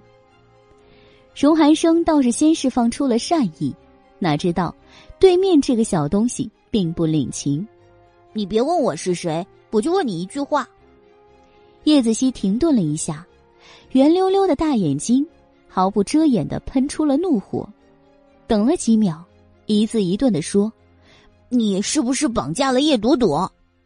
荣寒生一愣，眉心不由自主的一跳。他出事了。昨晚在宴会上，那个女人还活蹦乱跳的，这才一个晚上，怎么就出事了？心猛然收紧，他的目光也多了几分严肃。说清楚，到底怎么回事？你真不知道？叶子熙皱眉，心想：看着荣寒生这样，不像是装的。如果真不是他，那又是谁呢？原本指望是荣寒生。他还能拿地勤的机密资料问他要人，可现在，叶朵朵，妈咪，你在哪儿呢？想到这里，叶子熙的小心肝揪紧，那张小脸上不由自主的也带出了一抹焦灼。荣寒生微微锁眉，将眼前这个孩子的表情变化一一看在眼里，没等叶子熙开口再问什么。他就向叶子熙微微倾了身。你是叶朵朵什么人？叶家的资料显示，没有眼前这么个小东西。瞧他的年纪，再看他的脸，他的脸，越审视，荣寒生越是心惊。这张脸的小模样，越看越有点像那个女人。这是怎么回事？他的儿子？这个推论一冒出来，瞬间。就被荣寒生自己摁了下去。那女人怎么可能有儿子呢？她怎么可能有儿子呢？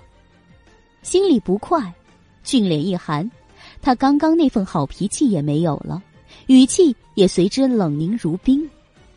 说清楚到底怎么回事？荣寒生冷冷的说道。叶子熙眼睛都不眨的盯着他，认真的想了一会儿，才才从口袋里摸出了那只 U 盘。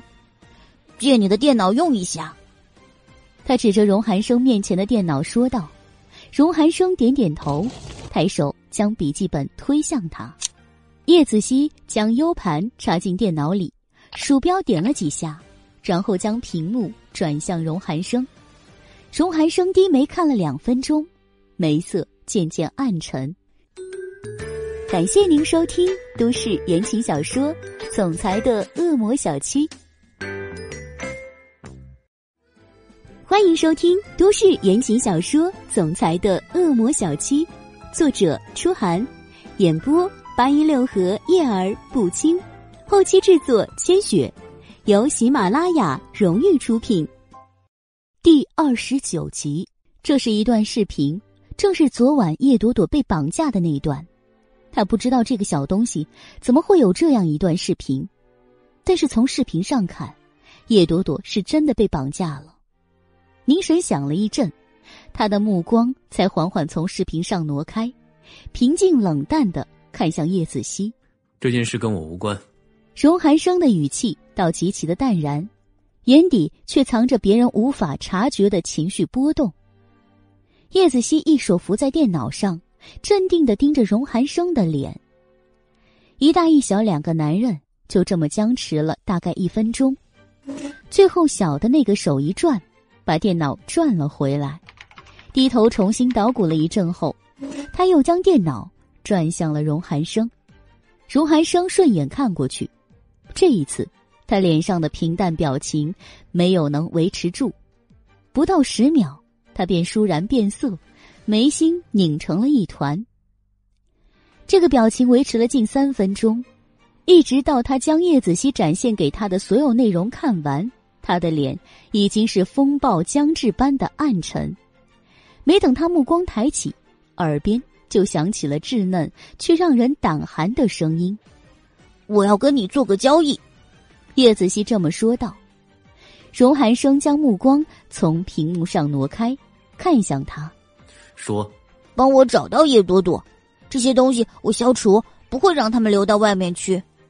这就算你的交易。”荣寒生脸上那怒气竟然散了一下，他现在是生不了气了，剩下来的更多是可笑，是无话可说。这小东西刚刚展示给他的是地勤近五年的业绩报表，几乎囊括了所有涉及的项目。还有，就是所有与地勤有密切往来关系的经纪单位，这些都属于商业机密，在公司内部也只有高管才有。先不论这小东西怎么弄到这些，但就他的提议，也真是搞笑极了。窃取了他公司的机密，跟他谈什么交易？这小鬼当他荣寒生是 Hello Kitty，脑子脾气全无，只剩下呆萌可爱。想到这里，荣寒生站了起来，盯着叶子熙模样严肃认真的小脸，看了两秒，然后伸手扣住他的肩膀，将他举了起来。双脚突然离地，叶子熙惊了一下，不过很快他就恢复了冷静的面色，目光平视的看着荣寒生。这就是我的交易，你如果不答应我，我就把这些东西散播出去，或者卖给想要的人。你觉得如何？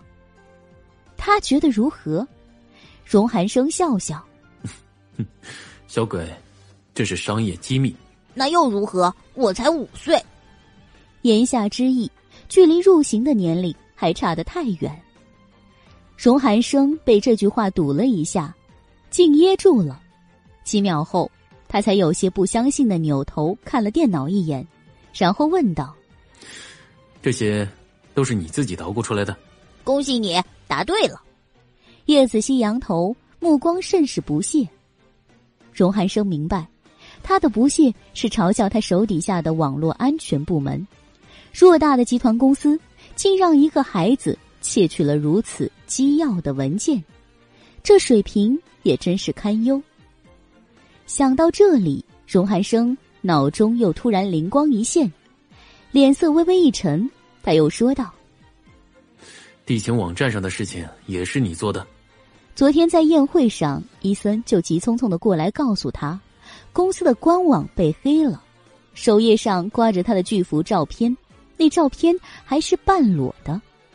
地勤这样的公司，每天都有成千上万的合作商要点开公司的网页，结果一点开就是这幅场景，他荣寒生的脸算是丢尽了。刚刚的会议，他就是在和公司部门主管讨论这件事，一是讨论如何消除影响，二是让网络安全部门做检讨。这事儿还没完，这个小东西就跑来了，拿的又是公司的机密。他怀疑，他简直是理所当然的事情。当然，不光是这一点，这小东西值得怀疑。更让荣寒生怀疑的原因是，这小东西跟叶朵朵有关。那个女人要说这件事是他做的，他是百分之一百二的相信的。手臂一松，他将叶子熙放在了会议桌上，坐了下来。而后，他微微弯腰。脸低悬在叶子熙的小脑袋上，眸色冷冽的盯着他。跟我说实话，是不是你？你还没查到吗？屁，效率太低了。他现在真的有些生气了。嗯，就是被一个孩子气的。虽然听上去有些奇葩，但是他真的被这个孩子气得想揍人了。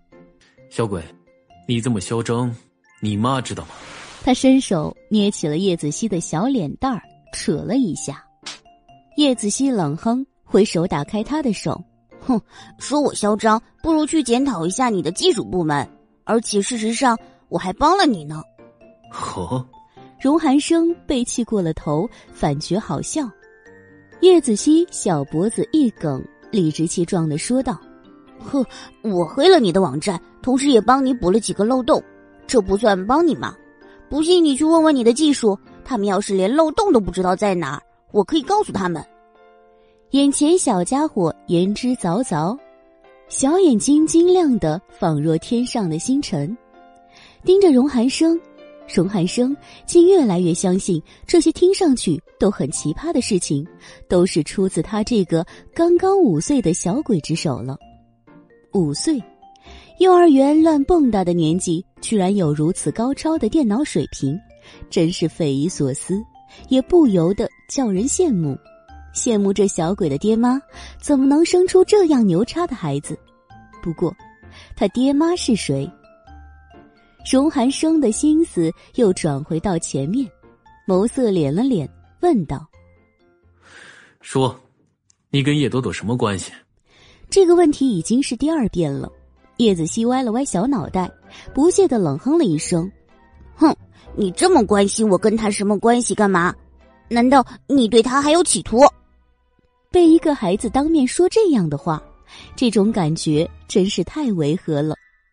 想了想，荣寒生站直了身体，微微挑眉回道：“我对他没什么企图，只不过你拿了我公司的机密来威胁我，让我救他。”我总要搞清楚你们之间的关系，这好像并不过分。小鬼，你既然敢跑到这里来，就该知道这样做的后果是什么，也该知道我是谁。言下之意，他不是那种想威胁就能威胁到的没用货色。嗯，叶子熙认真的应了一声，继而大眼闪闪。我是知道，那又如何呢？刑法上你没办法入我的罪，找我父母替罪，那你随意。反正只要我在外面，就能搅得你鸡犬不宁。想对付我，除非你杀了我。那么你敢杀人吗？荣寒生语塞，叶子熙歪着脑袋，目光中带着几分挑衅的盯着荣寒生。荣寒生现在两道好看的剑眉已经完全拧到了一起，成了一根麻绳。这小东西简直像个刺猬，浑身都是刺儿，想咬死它都无处下口。还有，他那个不可一世、死猪不怕开水烫的表情，怎么跟那死丫头如出一辙？荣寒生的脑子里闪出叶朵朵的脸，又想起他被绑架的事儿，心又莫名其妙的揪紧了。不想再跟这孩子斗嘴皮子，消耗时间，他想了想，便说道：“好吧。”既然我这么拿你没办法，那我也只能答应你了。不过我也有个要求，你答应，我马上派人去找叶朵朵。嗯，你说。叶子熙严肃起来，语气有点急切。免费帮我重做公司系统，防火墙，要求不高，只要以后像你这样的小鬼进不来就行。啊，奸商，奸商！叶子熙心里狠狠骂了两声。他没事给人修个电脑，要收百八十块钱的，他倒好，张口就帮他重做公司系统，那么大的工作量还是免费。妈咪，我现在知道你为什么想整他，我也想。刚想到这里，耳边又响起荣寒生似笑非笑的话：“你最好快点考虑，绑架不是小事，不能耽误时间。还有，你既然承认公司网站的事是你所为，我大人不计小人过，帮我做好系统，这件事我们一笔勾销，甚至……”我答应你，不去找你那幕后主使的麻烦，行不行？承认，他也不想承认的呀。可是他都来了，线索如此明显，荣寒生再查不到，他就不是荣寒生了。所以还不如张嘴承认来得痛快。不过，他也说了，不找幕后主使，也就是妈咪大人的麻烦，这样。叶子熙微微的眯起了小眼睛，仔细盯着荣寒生，似有些不信任他。荣寒生笑了笑，气定神闲的开口：“你已经思考了一分钟了，一分钟的时间里，很多事都会发生。”叶子熙越发的皱紧眉毛：“嗯，行，我答应你。”荣寒生意料之中的点了点头。目光在叶子熙脸上停留了两秒后，拿起了放在桌上的手机，吩咐完，他的目光才又转向了叶子熙。你还没告诉我你的名字，你迟早会知道的，何必问我？听他把找人的事情交代下去，叶子熙也松了口气，但是他还是不想跟荣寒生多废话，所以这句话说完，他就从会议桌上蹦了下来。谢谢你帮忙，你的要求等我找到叶朵朵，我就开始做。现在再见。小身板一扭，他就准备走了。荣寒生眉目一挑，伸手拎住了他的衣领。你不告诉我也行，这样吧，反正找人需要时间，这段时间里你就跟我在一起，这样我们还可以商量，互通有无，能更快找到他。你觉得怎么样？叶子熙皱眉，难受的扭着脖子，冷眼盯着荣寒生：“你放开我行不行？这样很不礼貌。”礼貌？这小鬼现在来跟他谈礼貌了？荣寒生好笑，没有吭声。叶子熙想想，他说的好像也有道理。他们在一起，也许更有利于尽快找到人。正犹豫着要不要答应荣寒生。原木上来了，子熙。他这一声喊，叶子熙愣了一下，荣寒生更是愣了。子熙，叶朵朵嘴里那个子熙宝宝，竟然是眼前这个小鬼。不，让他震惊的不止这些，还有冲进来这个男人，这不是那个女人相框上的男人吗？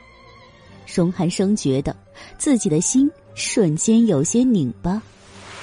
他松开了叶子熙的衣领，转过来面对原木，没说话，那眼神却如同三九天的冰凌，不带温度。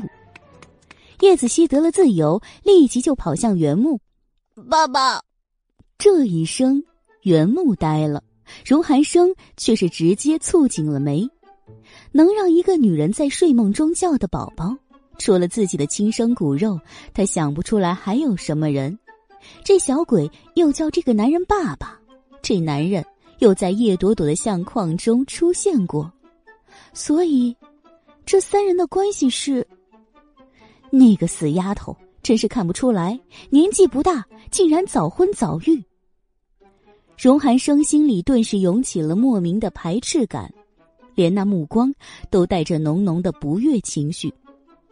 此时叶子熙已经回过头来，看向荣寒生：“荣叔叔，这是我爸爸。你的提议很好，我回去收拾点东西就过来找你，我们一起找人。”他始终不提叶朵朵跟他的关系，荣寒生拧着眉，也没再多问。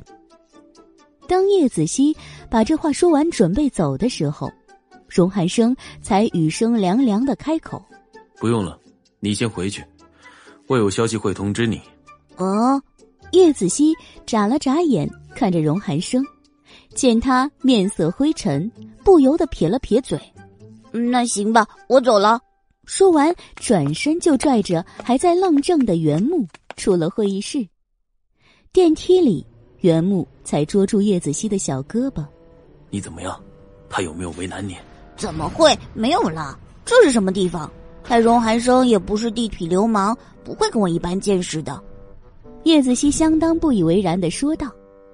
袁木将他从头到脚审视了一遍，确认无碍后，这才松了口气。那就好，我真担心你。不过，他顿了一下，目光突然有些复杂，其中又带了一点戏谑。你为什么叫我爸爸？不为什么呀。叶子熙耸耸肩，又撇撇嘴。我怕他动机不纯，就这么说了。动机不纯？袁木有些不理解，想了想，也就了然了。你觉得他对你妈咪有意思？嗯。叶子熙在想着叶朵朵的事，心不在焉的应了一声。正想着，又听袁木问：“这么说，他已经知道你身份了？”叶子熙回神，冷哼了一声：“哼，我去都去了，他再瞧不出我是谁，他也别混了。”袁木愣了一下，随即蹙眉：“你妈咪好像不太想很多人知道你的身份，你这样一来，恐怕不太好吧？”管不了了，我们从来没有在这地方待过。叶家那些人又指不上，荣寒生是最好的人选了。我相信他去找，比我去找管用。叶子熙伸手挠了两下头发，皱眉说着。袁木沉默了一会儿，电梯停下，出去时他才握住了叶子熙的手。你很信任他？信任？叶子熙仰头看看他，嗯。可以这么说吧，感觉还行，能打六十分，不像个会欺负小孩子的人。袁木盯着叶子熙的小脸看了看，没说话。叶子熙的这番论断，荣寒生没听见。他自叶子熙出去之后，就面色阴沉的把伊森给叫了过来。老大，你就这么放那小鬼走了？叶子熙来的时候，伊森不在会议室，但很快也就听说了这事儿。他没瞧见叶子熙怎么样，却把叶子熙归于了熊孩子一类，没什么好印象。荣寒生站在办公桌前，眉峰轻轻蹙着。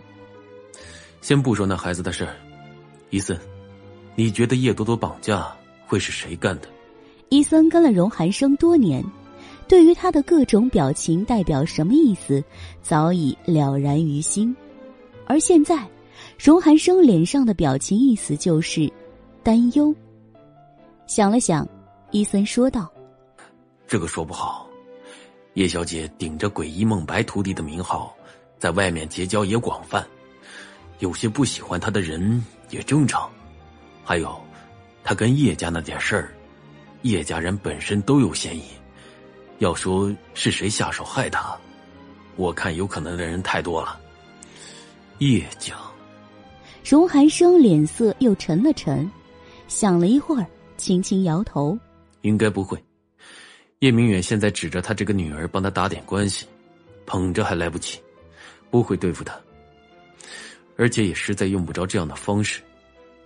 至于叶家其他人，大概也不会选。”叶陆两家联手办事的时候下手，这对他们没好处。伊森一听有理，也沉默了一会儿。会不会是上次在我车里动手脚放毒品的人？荣寒生突然想到，双眸中蹦出两道清冷的光芒。伊森一听，脸上露出了愧色：“啊对不起，老大，是我无能。那件事到现在也没查清幕后之人。就那晚袭击许小姐的三个人，原本已经查到了一点线索，就差能找到人了。可是不知道为什么，等我们赶过去的时候，又是人去楼空，而且就此再找不到那三个人的消息，就好像凭空消失了一样。凭空消失。荣寒生微微敛眸，眸色幽深，继而唇边又溢出一抹冷笑。哼，别是跟那个警察一样吧？死了。伊僧惊叫一声，荣寒生看看他，语声冷冷的说道：“任何淘宝都能寻到蛛丝马迹，除非是死人。不，不会吧？”伊森舌头都有些打结了。这么点事儿，死了四个人了，不管幕后是谁操纵，都不至于吧？没什么不至于的，他怕我查到他，断了所有知情人泄露秘密的可能。这个人不但心机深沉，而且心狠手辣，所以他绝对不是荣耀。荣耀没有那个能力，这一点他深知。伊森看看荣寒生，想了一会儿，试探问道。您的意思是，上次的事情跟大少爷无关吗？我不确定，我只能确定这件事的操纵者不是他。也许他就是别人手中的一支枪而已。不过，你记着，盯紧他，也许能从他身上摸到什么线索。是，老大，那叶小姐的事。刚一提到叶朵朵，伊森看见荣寒生的脸又沉了。未等说话，荣寒生的手机就响了。接起，听了几秒，伊森便听他语气相当阴沉的说道：“知道了，接着追下去。”叶朵朵醒来的时候，只觉得头昏脑胀的，很长一段时间里，她都糊里糊涂的，搞不清状况。意识渐渐回炉，她才想起昏迷之前的事情。他在路上等车，有人晕倒。他过去救人，结果被人暗算打晕了。很明显，那个晕倒的人一定也是绑匪的同伙。这是个局，等的就是他。可谁要绑他呢？这又是什么地方？感谢您收听都市言情小说《总裁的恶魔小七》，欢迎收听都市言情小说《总裁的恶魔小七》。作者：初寒，演播：八一六和叶儿不清，后期制作：千雪，由喜马拉雅荣誉出品。第三十集，叶朵朵张开眼睛，身体刚一动，就察觉出了不对劲儿。她的两只手腕都被捆住了，用很粗的绳索绑在床头，上面如此，下面也一样。脚腕也被相同的绳索绑在床尾，绳索还都绑得极紧，动一下，手腕、脚腕都勒得生疼。这是哪个变态干的事？绑架一帮，捆住身体，这人怎么将他的手脚绑住，禁锢在了大床上？还有，这是什么地方？为什么感觉床好像在晃？叶朵朵扭了两下，挣脱不开。又停了一下，不再挣扎，而是努力的观察着这房间，上下左右都看了一圈，他心惊了。瞧这房间的样子和左右轻晃不停的感觉，他基本可以确定，这是在船上，而且是一只静止的船，没有开动，所以没听见什么马达的声音，只能感觉到船体在随波轻轻晃荡。这他妈到底是谁把他绑到这里来？叶朵朵气得不行，又狠挣了几下，挣了几下没挣开，反倒把手腕、脚腕挣得生疼，所以挣了两下之后，他又消停了。这么粗的绳子，捆得这么紧，他是挣不开的。现在只能想办法，看能不能弄到什么刀片之类的东西，把绳子弄开。刀片。叶朵朵竭力扭头朝两边看，床的左边有一个床头柜，属白色，欧式风格，上面有盏不大的台灯，还有一个做工精致的纸巾盒。除此之外，什么都没有。就这两样东西，能用的肯定只有台灯。台灯砸碎了，也许还能借来一用。但现在他手脚都被绑得死死的，一点都动不了。他怎么才能把台灯弄到手呢？叶朵朵皱紧了脸，正想到这里，就听见门上轻轻一响，有人进来了。他瞬间提紧了心，不再挣扎，而是两眼瞪得大大的，努力的抬起头看向门口。叶朵朵完全没想到进来的人会是荣耀，搞了半天，绑架他的人是荣耀，这个混蛋！叶朵朵瞬间怒火中烧，身体紧绷的手腕、脚腕都勒出了血印来。跟他的面色不同。荣耀是一脸春风得意的模样走了进来。看来我这时间掐的真好，叶小姐，你果然醒了。荣耀笑道，一双眼睛就在叶朵朵身上打转转。他走到床边，低头看着叶朵朵，唇角扬起，挂着薄笑，那样子仿佛在欣赏自己的得意作品。叶朵朵一看到荣耀这张脸。震惊之后，就恍然明白了是怎么回事儿。这男人一看就是对他有垂涎之意，昨晚他又狠狠的教训了他一下，还让他当着荣寒生的面丢了丑，怀恨在心很正常。只是没想到，身为荣家大少爷，荣耀的作为竟然是这样的下作。瞧他这副色狼附体的样子，分明就是想对他用强。现在，他被绑着，连一点还手的机会都没有，真是成了那案板上的鱼，人家想怎么切就怎么切了，该怎么办？叶多多心中鄙夷又焦急，看着荣耀这张脸就觉得恶心，但是他也知道眼下敌强我弱，再像昨晚一样毫不留情的跟他对着来，那倒霉的只会是他自己。心思一转。他便强扯出了笑容。荣总，这是干什么？待客如此，好像不够礼貌哦。他索性睡了下去，不再扬起身体看荣耀，也不再挣扎，反倒眉眼含笑，仿佛他只是安静的躺在这张柔软舒适的床上，跟荣耀说话一样。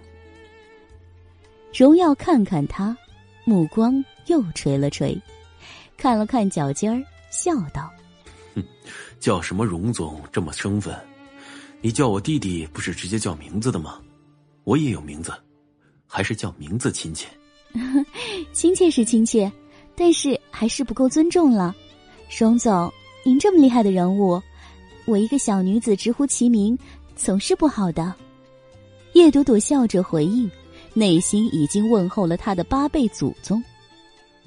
荣耀目光抬起来，落在他脸上，含笑的看了看，突然身体微转，双腿一屈，就坐在了床边。床榻轻轻一沉，叶朵朵的心就跟着沉了一下，因为他看见荣耀眼中那种欲望越来越强烈，无法掩饰，他也根本没有去掩饰。那种目光就好像一匹饿狼发现了他感兴趣的猎物，正在缓缓的靠近。双手不自觉的攥紧，当他的掌心感觉到指尖的硬度时，荣耀的手抬了起来，抚在了他的脸颊上。叶小姐真不愧是天生的尤物啊，这小脸嫩的，摸一摸都让人想入非非。男人的手指在他的脸颊上随意的游走，从右脸滑到左脸，又从左脸滑到右脸，如此来回滑了三次遍，最后指尖停留在他的粉唇上，轻轻的摩挲了两下。荣耀吸烟，指尖上残留的点点烟草味儿，他抚上他的唇瓣时，那烟草味儿就窜入了叶朵朵的鼻尖。霎时间，胃里一阵翻江倒海。这味道虽然很浅淡，但是从他的手指上散发出来，还是让他作呕。等到指尖挪开，叶朵朵才强压住怒气，努力保持着微笑说道：“谢谢荣总夸奖，不过，我能问一下，荣总费这么多心思把我请过来，是为了什么事吗？”为了什么事？荣耀的手顺着他的脸一路下滑，力道并不重，只用指尖轻轻的在他身体上从上到下的。画直线，滑到腰间，他停了一下，指变掌抚在了他的腰侧。叶小姐是聪明人，你说我想干什么呢？他的手掌在叶朵朵腰间贴着光滑的旗袍来回摩挲，越是摩挲，他眼底内猩红的欲望越是分明。这女人的腰看着纤细，但是触感极好。紧绷结实，很有弹性。虽然衣服遮着看不到肌肤，但从她的脸和脖子来看，这腰间一定也是细白如玉的。荣耀眸色渐深，唇角的弧度也越来越大，就好像他已经决定接下来要干什么了似的。叶朵朵被那腰间的摩挲产生的灼热弄得恶心不已。感觉到手腕、脚腕上的勒疼，心里又隐隐担忧，今天自己怕是凶多吉少。但是已经到了这一步，他也只能一步一步的小心应付了。想到这里，叶朵朵的笑也配合着荣耀的笑，变得娇媚起来。熊总，瞧你说的，我是个女人，你们男人想什么，我哪知道。再说了，就算知道，也不能让我张嘴直接说，不是吗？他眉眼弯成了两弯月牙，眼中波光粼粼，不时的还眨了下眼，丢了几丝暧昧的光芒出来。荣耀盯着叶朵朵的脸看了一会儿，那手突然从她的腰间抬起，屈指撩了撩他耳旁的碎发。这么说，你已经知道我想干什么了？干你妹！叶朵朵心里狠狠咒骂，脸上唇角一扬，便说道：“荣总如此盛情，我还不知道，岂不是显得太不懂事了？”哦，荣耀似乎心情不错，笑出了声。没想到叶小姐还这么上道，那昨天晚上怎么就那么不听话呢？话到这里，他的手指一勾，缠住了叶朵朵鬓间的一缕头发。用力的扯了一下，同时眼中笑意淡去，多了一抹凶光。很显然，这男人还在记仇。叶朵朵的头顺着发丝偏了偏，语声依旧娇媚的说道：“昨晚是昨晚嘛，那地方人来人往的，不合适啊，给人看到了多不好。荣总，您又太急，我都被您吓住了。”这才没站稳，碰到您了。不过，瞧您这样子，好像也没事哦。您大人大量，就别跟我这个小女人一般见识了吗？他语声诺诺的求着，水眸张大，努力做出无辜的样子，看着荣耀。见荣耀没有立即开口，叶朵朵又说道：“再说了，荣总也该知道，我其实心里……”是希望跟您深入了解的，在滨海，谁不知道您荣总是只手遮天的人物？别说我们叶家需要依仗您，就是我个人也想背靠大树好乘凉啊。昨晚嘛，要我说，荣总，您也有不是呢。叶朵朵微微翘起粉唇，娇嗔的说了一句。荣耀来了兴趣，挑眉说道：“哦。”那你说说，我有什么不是的？当然有啊！我不过跟您开个玩笑，您就生气了。女人的小心思，您是一点没看出来。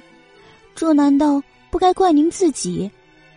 女人的小心思，那是女人欲擒故纵的小心思。荣耀不是笨人，他如此的表达，他自然也听懂了。这女人的声音很好听，软软甜甜的。如同香甜乳酪下肚那般舒坦。他的话也说得好，叫人听着很受用。荣耀脸色回转，手指也松了那缕头发，笑道：“照你的意思，现在这里就我们两个，那么是不是我们可以深入的了解一下了？”嗯。他问这句话时，身体就已经压了下来，脸差点就贴到了叶朵朵的脸上。跟他指尖散出的烟草味相比，他口中喷出的那种味道更难闻，更让人作呕。扑面而来的时候，叶朵朵差点没忍住，当场吐了。咬了咬牙，忍下那股作呕的冲动之后，他才眨了眨浓密卷翘的睫毛，说了一句。那是当然，我其实也很期待这样的机会呢。是这样吗？荣耀轻笑，抬手顺着他的肩膀下滑，指尖捏住了他腰侧的拉链。荣耀的手捏着那拉链往下滑开一指长时，叶朵朵娇嗔的轻斥了一声：“荣总，您这样可不对，哪还有绑着人家就解人家衣服的？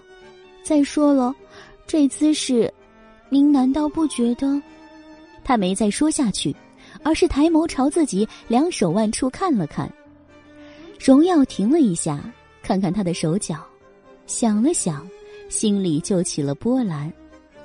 这女人说的也对，绑着虽然能叫，他逃不掉，动弹不得，但是到底还是失了趣味，那跟上一具死尸没什么两样。这样太没意思了。荣耀一蹙眉，叶朵朵见他这副表情，心中一动，立即又说道：“你怕什么呢？如今我在船上，像我这种不会水的旱鸭子，想跑也跑不掉。而且我根本也不想跑。荣总的脾气我也算领教了，再不上道，那不是逼着荣总对我不客气吗？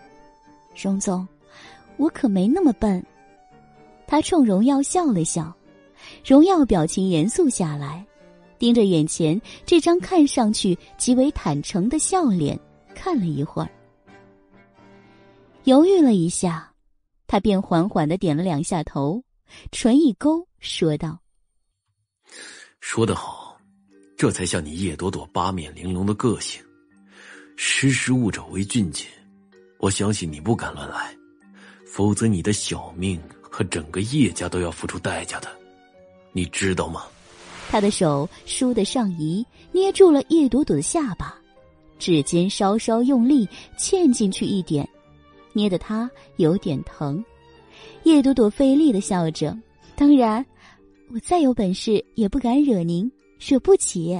我明白。”荣耀松了手，盯着他看了两秒后，突然趴了下来，整个上半身。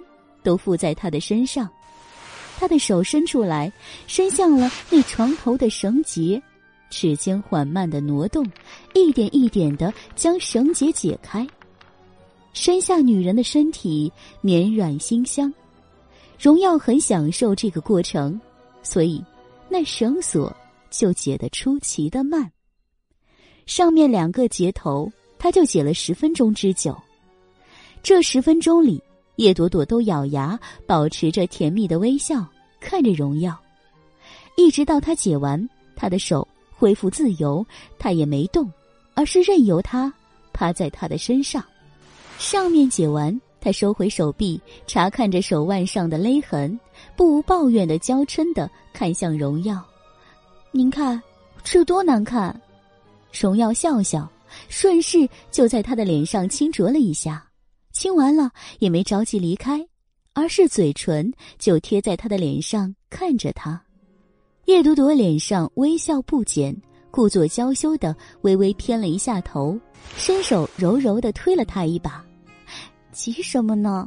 人家的脚还绑着。”他这副样子宛如一个从高档会所里走出来的交际花，妖娆娇媚的样子让人挪不开眼。同时，也让人不由得轻视。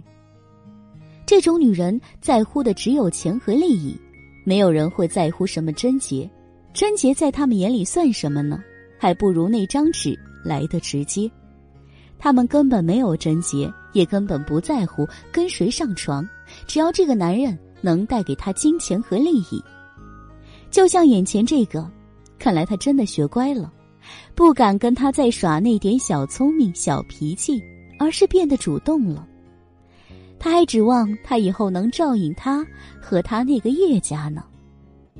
荣耀心中荡起来越来越浓的优越感，眼中鄙夷和欲望并存的盯着叶朵朵看了一会儿后，抬起了上半身，转向了后面趴了下去，伸手解起了他脚踝上的绳索。在他上半身完全拍下去那一瞬间，叶朵朵就倏地收紧了眼眸，随后坐了起来，右臂扬起，完全没有犹豫的从床头柜上。拿起了那盏台灯，这台灯的造型很别致，也很适合他拿来一用。它是水晶质，宝塔形，顶部是尖的，上面嵌了个圆珠做点缀。叶朵朵使劲儿的拽着台灯，瞄准了荣耀的脖子，没有多耽搁一秒，也没有犹豫一秒，直接就将那顶部的圆珠狠狠的戳向了荣耀后脑勺靠脖梗的某一处。他跟着孟白学医数年，西医不在话下，中医也小有所成，对人体经络穴道更是烂熟于心。而他现在用那顶部戳下去的，就是人体上半身相当重要的一个穴道之一。此处连接大脑主干神经，受到重击会导致昏迷。他的身手很一般，没有把握直接拿着台灯就能把荣耀这样一个男人砸晕，他只能取巧。对准穴道，一击而中。事实上，他抓台灯过来的时候，弄出的轻微声响已惊动了荣耀。但叶朵朵的速度快，在荣耀刚想回头去看他，又没来得及回头的时候，他的攻击就开始了。砰的一声闷响，荣耀的身体僵了一下，因为他还趴着。叶朵朵看不清他脸上到底是什么表情，也不确定他到底有没有昏过去，所以趁着他不懂，又在那处穴道上狠戳了两下。两下戳下去，荣耀的手就软了，直接搭在了床上，他的头也搭了下去，就搁在他的小腿上。叶朵朵一见，这才松了口气。他慌忙将台灯丢在床上，腾出手来扯开荣耀，然后快速解开了自己脚腕上的绳索。顾不上手腕、脚腕上的疼，他便翻身下床，走向了门边。他也没有立即开门，而是趴在门边听了听动静，确定完全无声之后，他才缓缓的打开了门，露出了一条缝隙，顺着缝隙往外看。左右两侧近距离没有看到人，他才把房门又开大了一些，视野开阔了，他才看清周围的环境。这是一个中型私人游艇，上下两层，上层他暂时没看到保镖之类的人，下层甲板上他所能看到的视力范围内站了三个一看就不好惹的男人，其他还有，也许他还没看到。而他现在就在上层，抬眼望去，四面都是白茫茫的水面，看不到陆地，可见离陆地不近。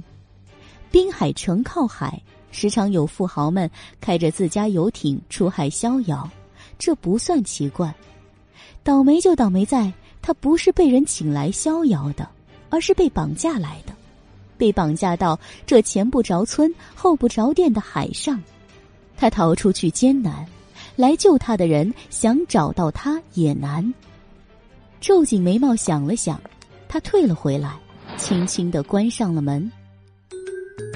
感谢您收听都市言情小说《总裁的恶魔小七》。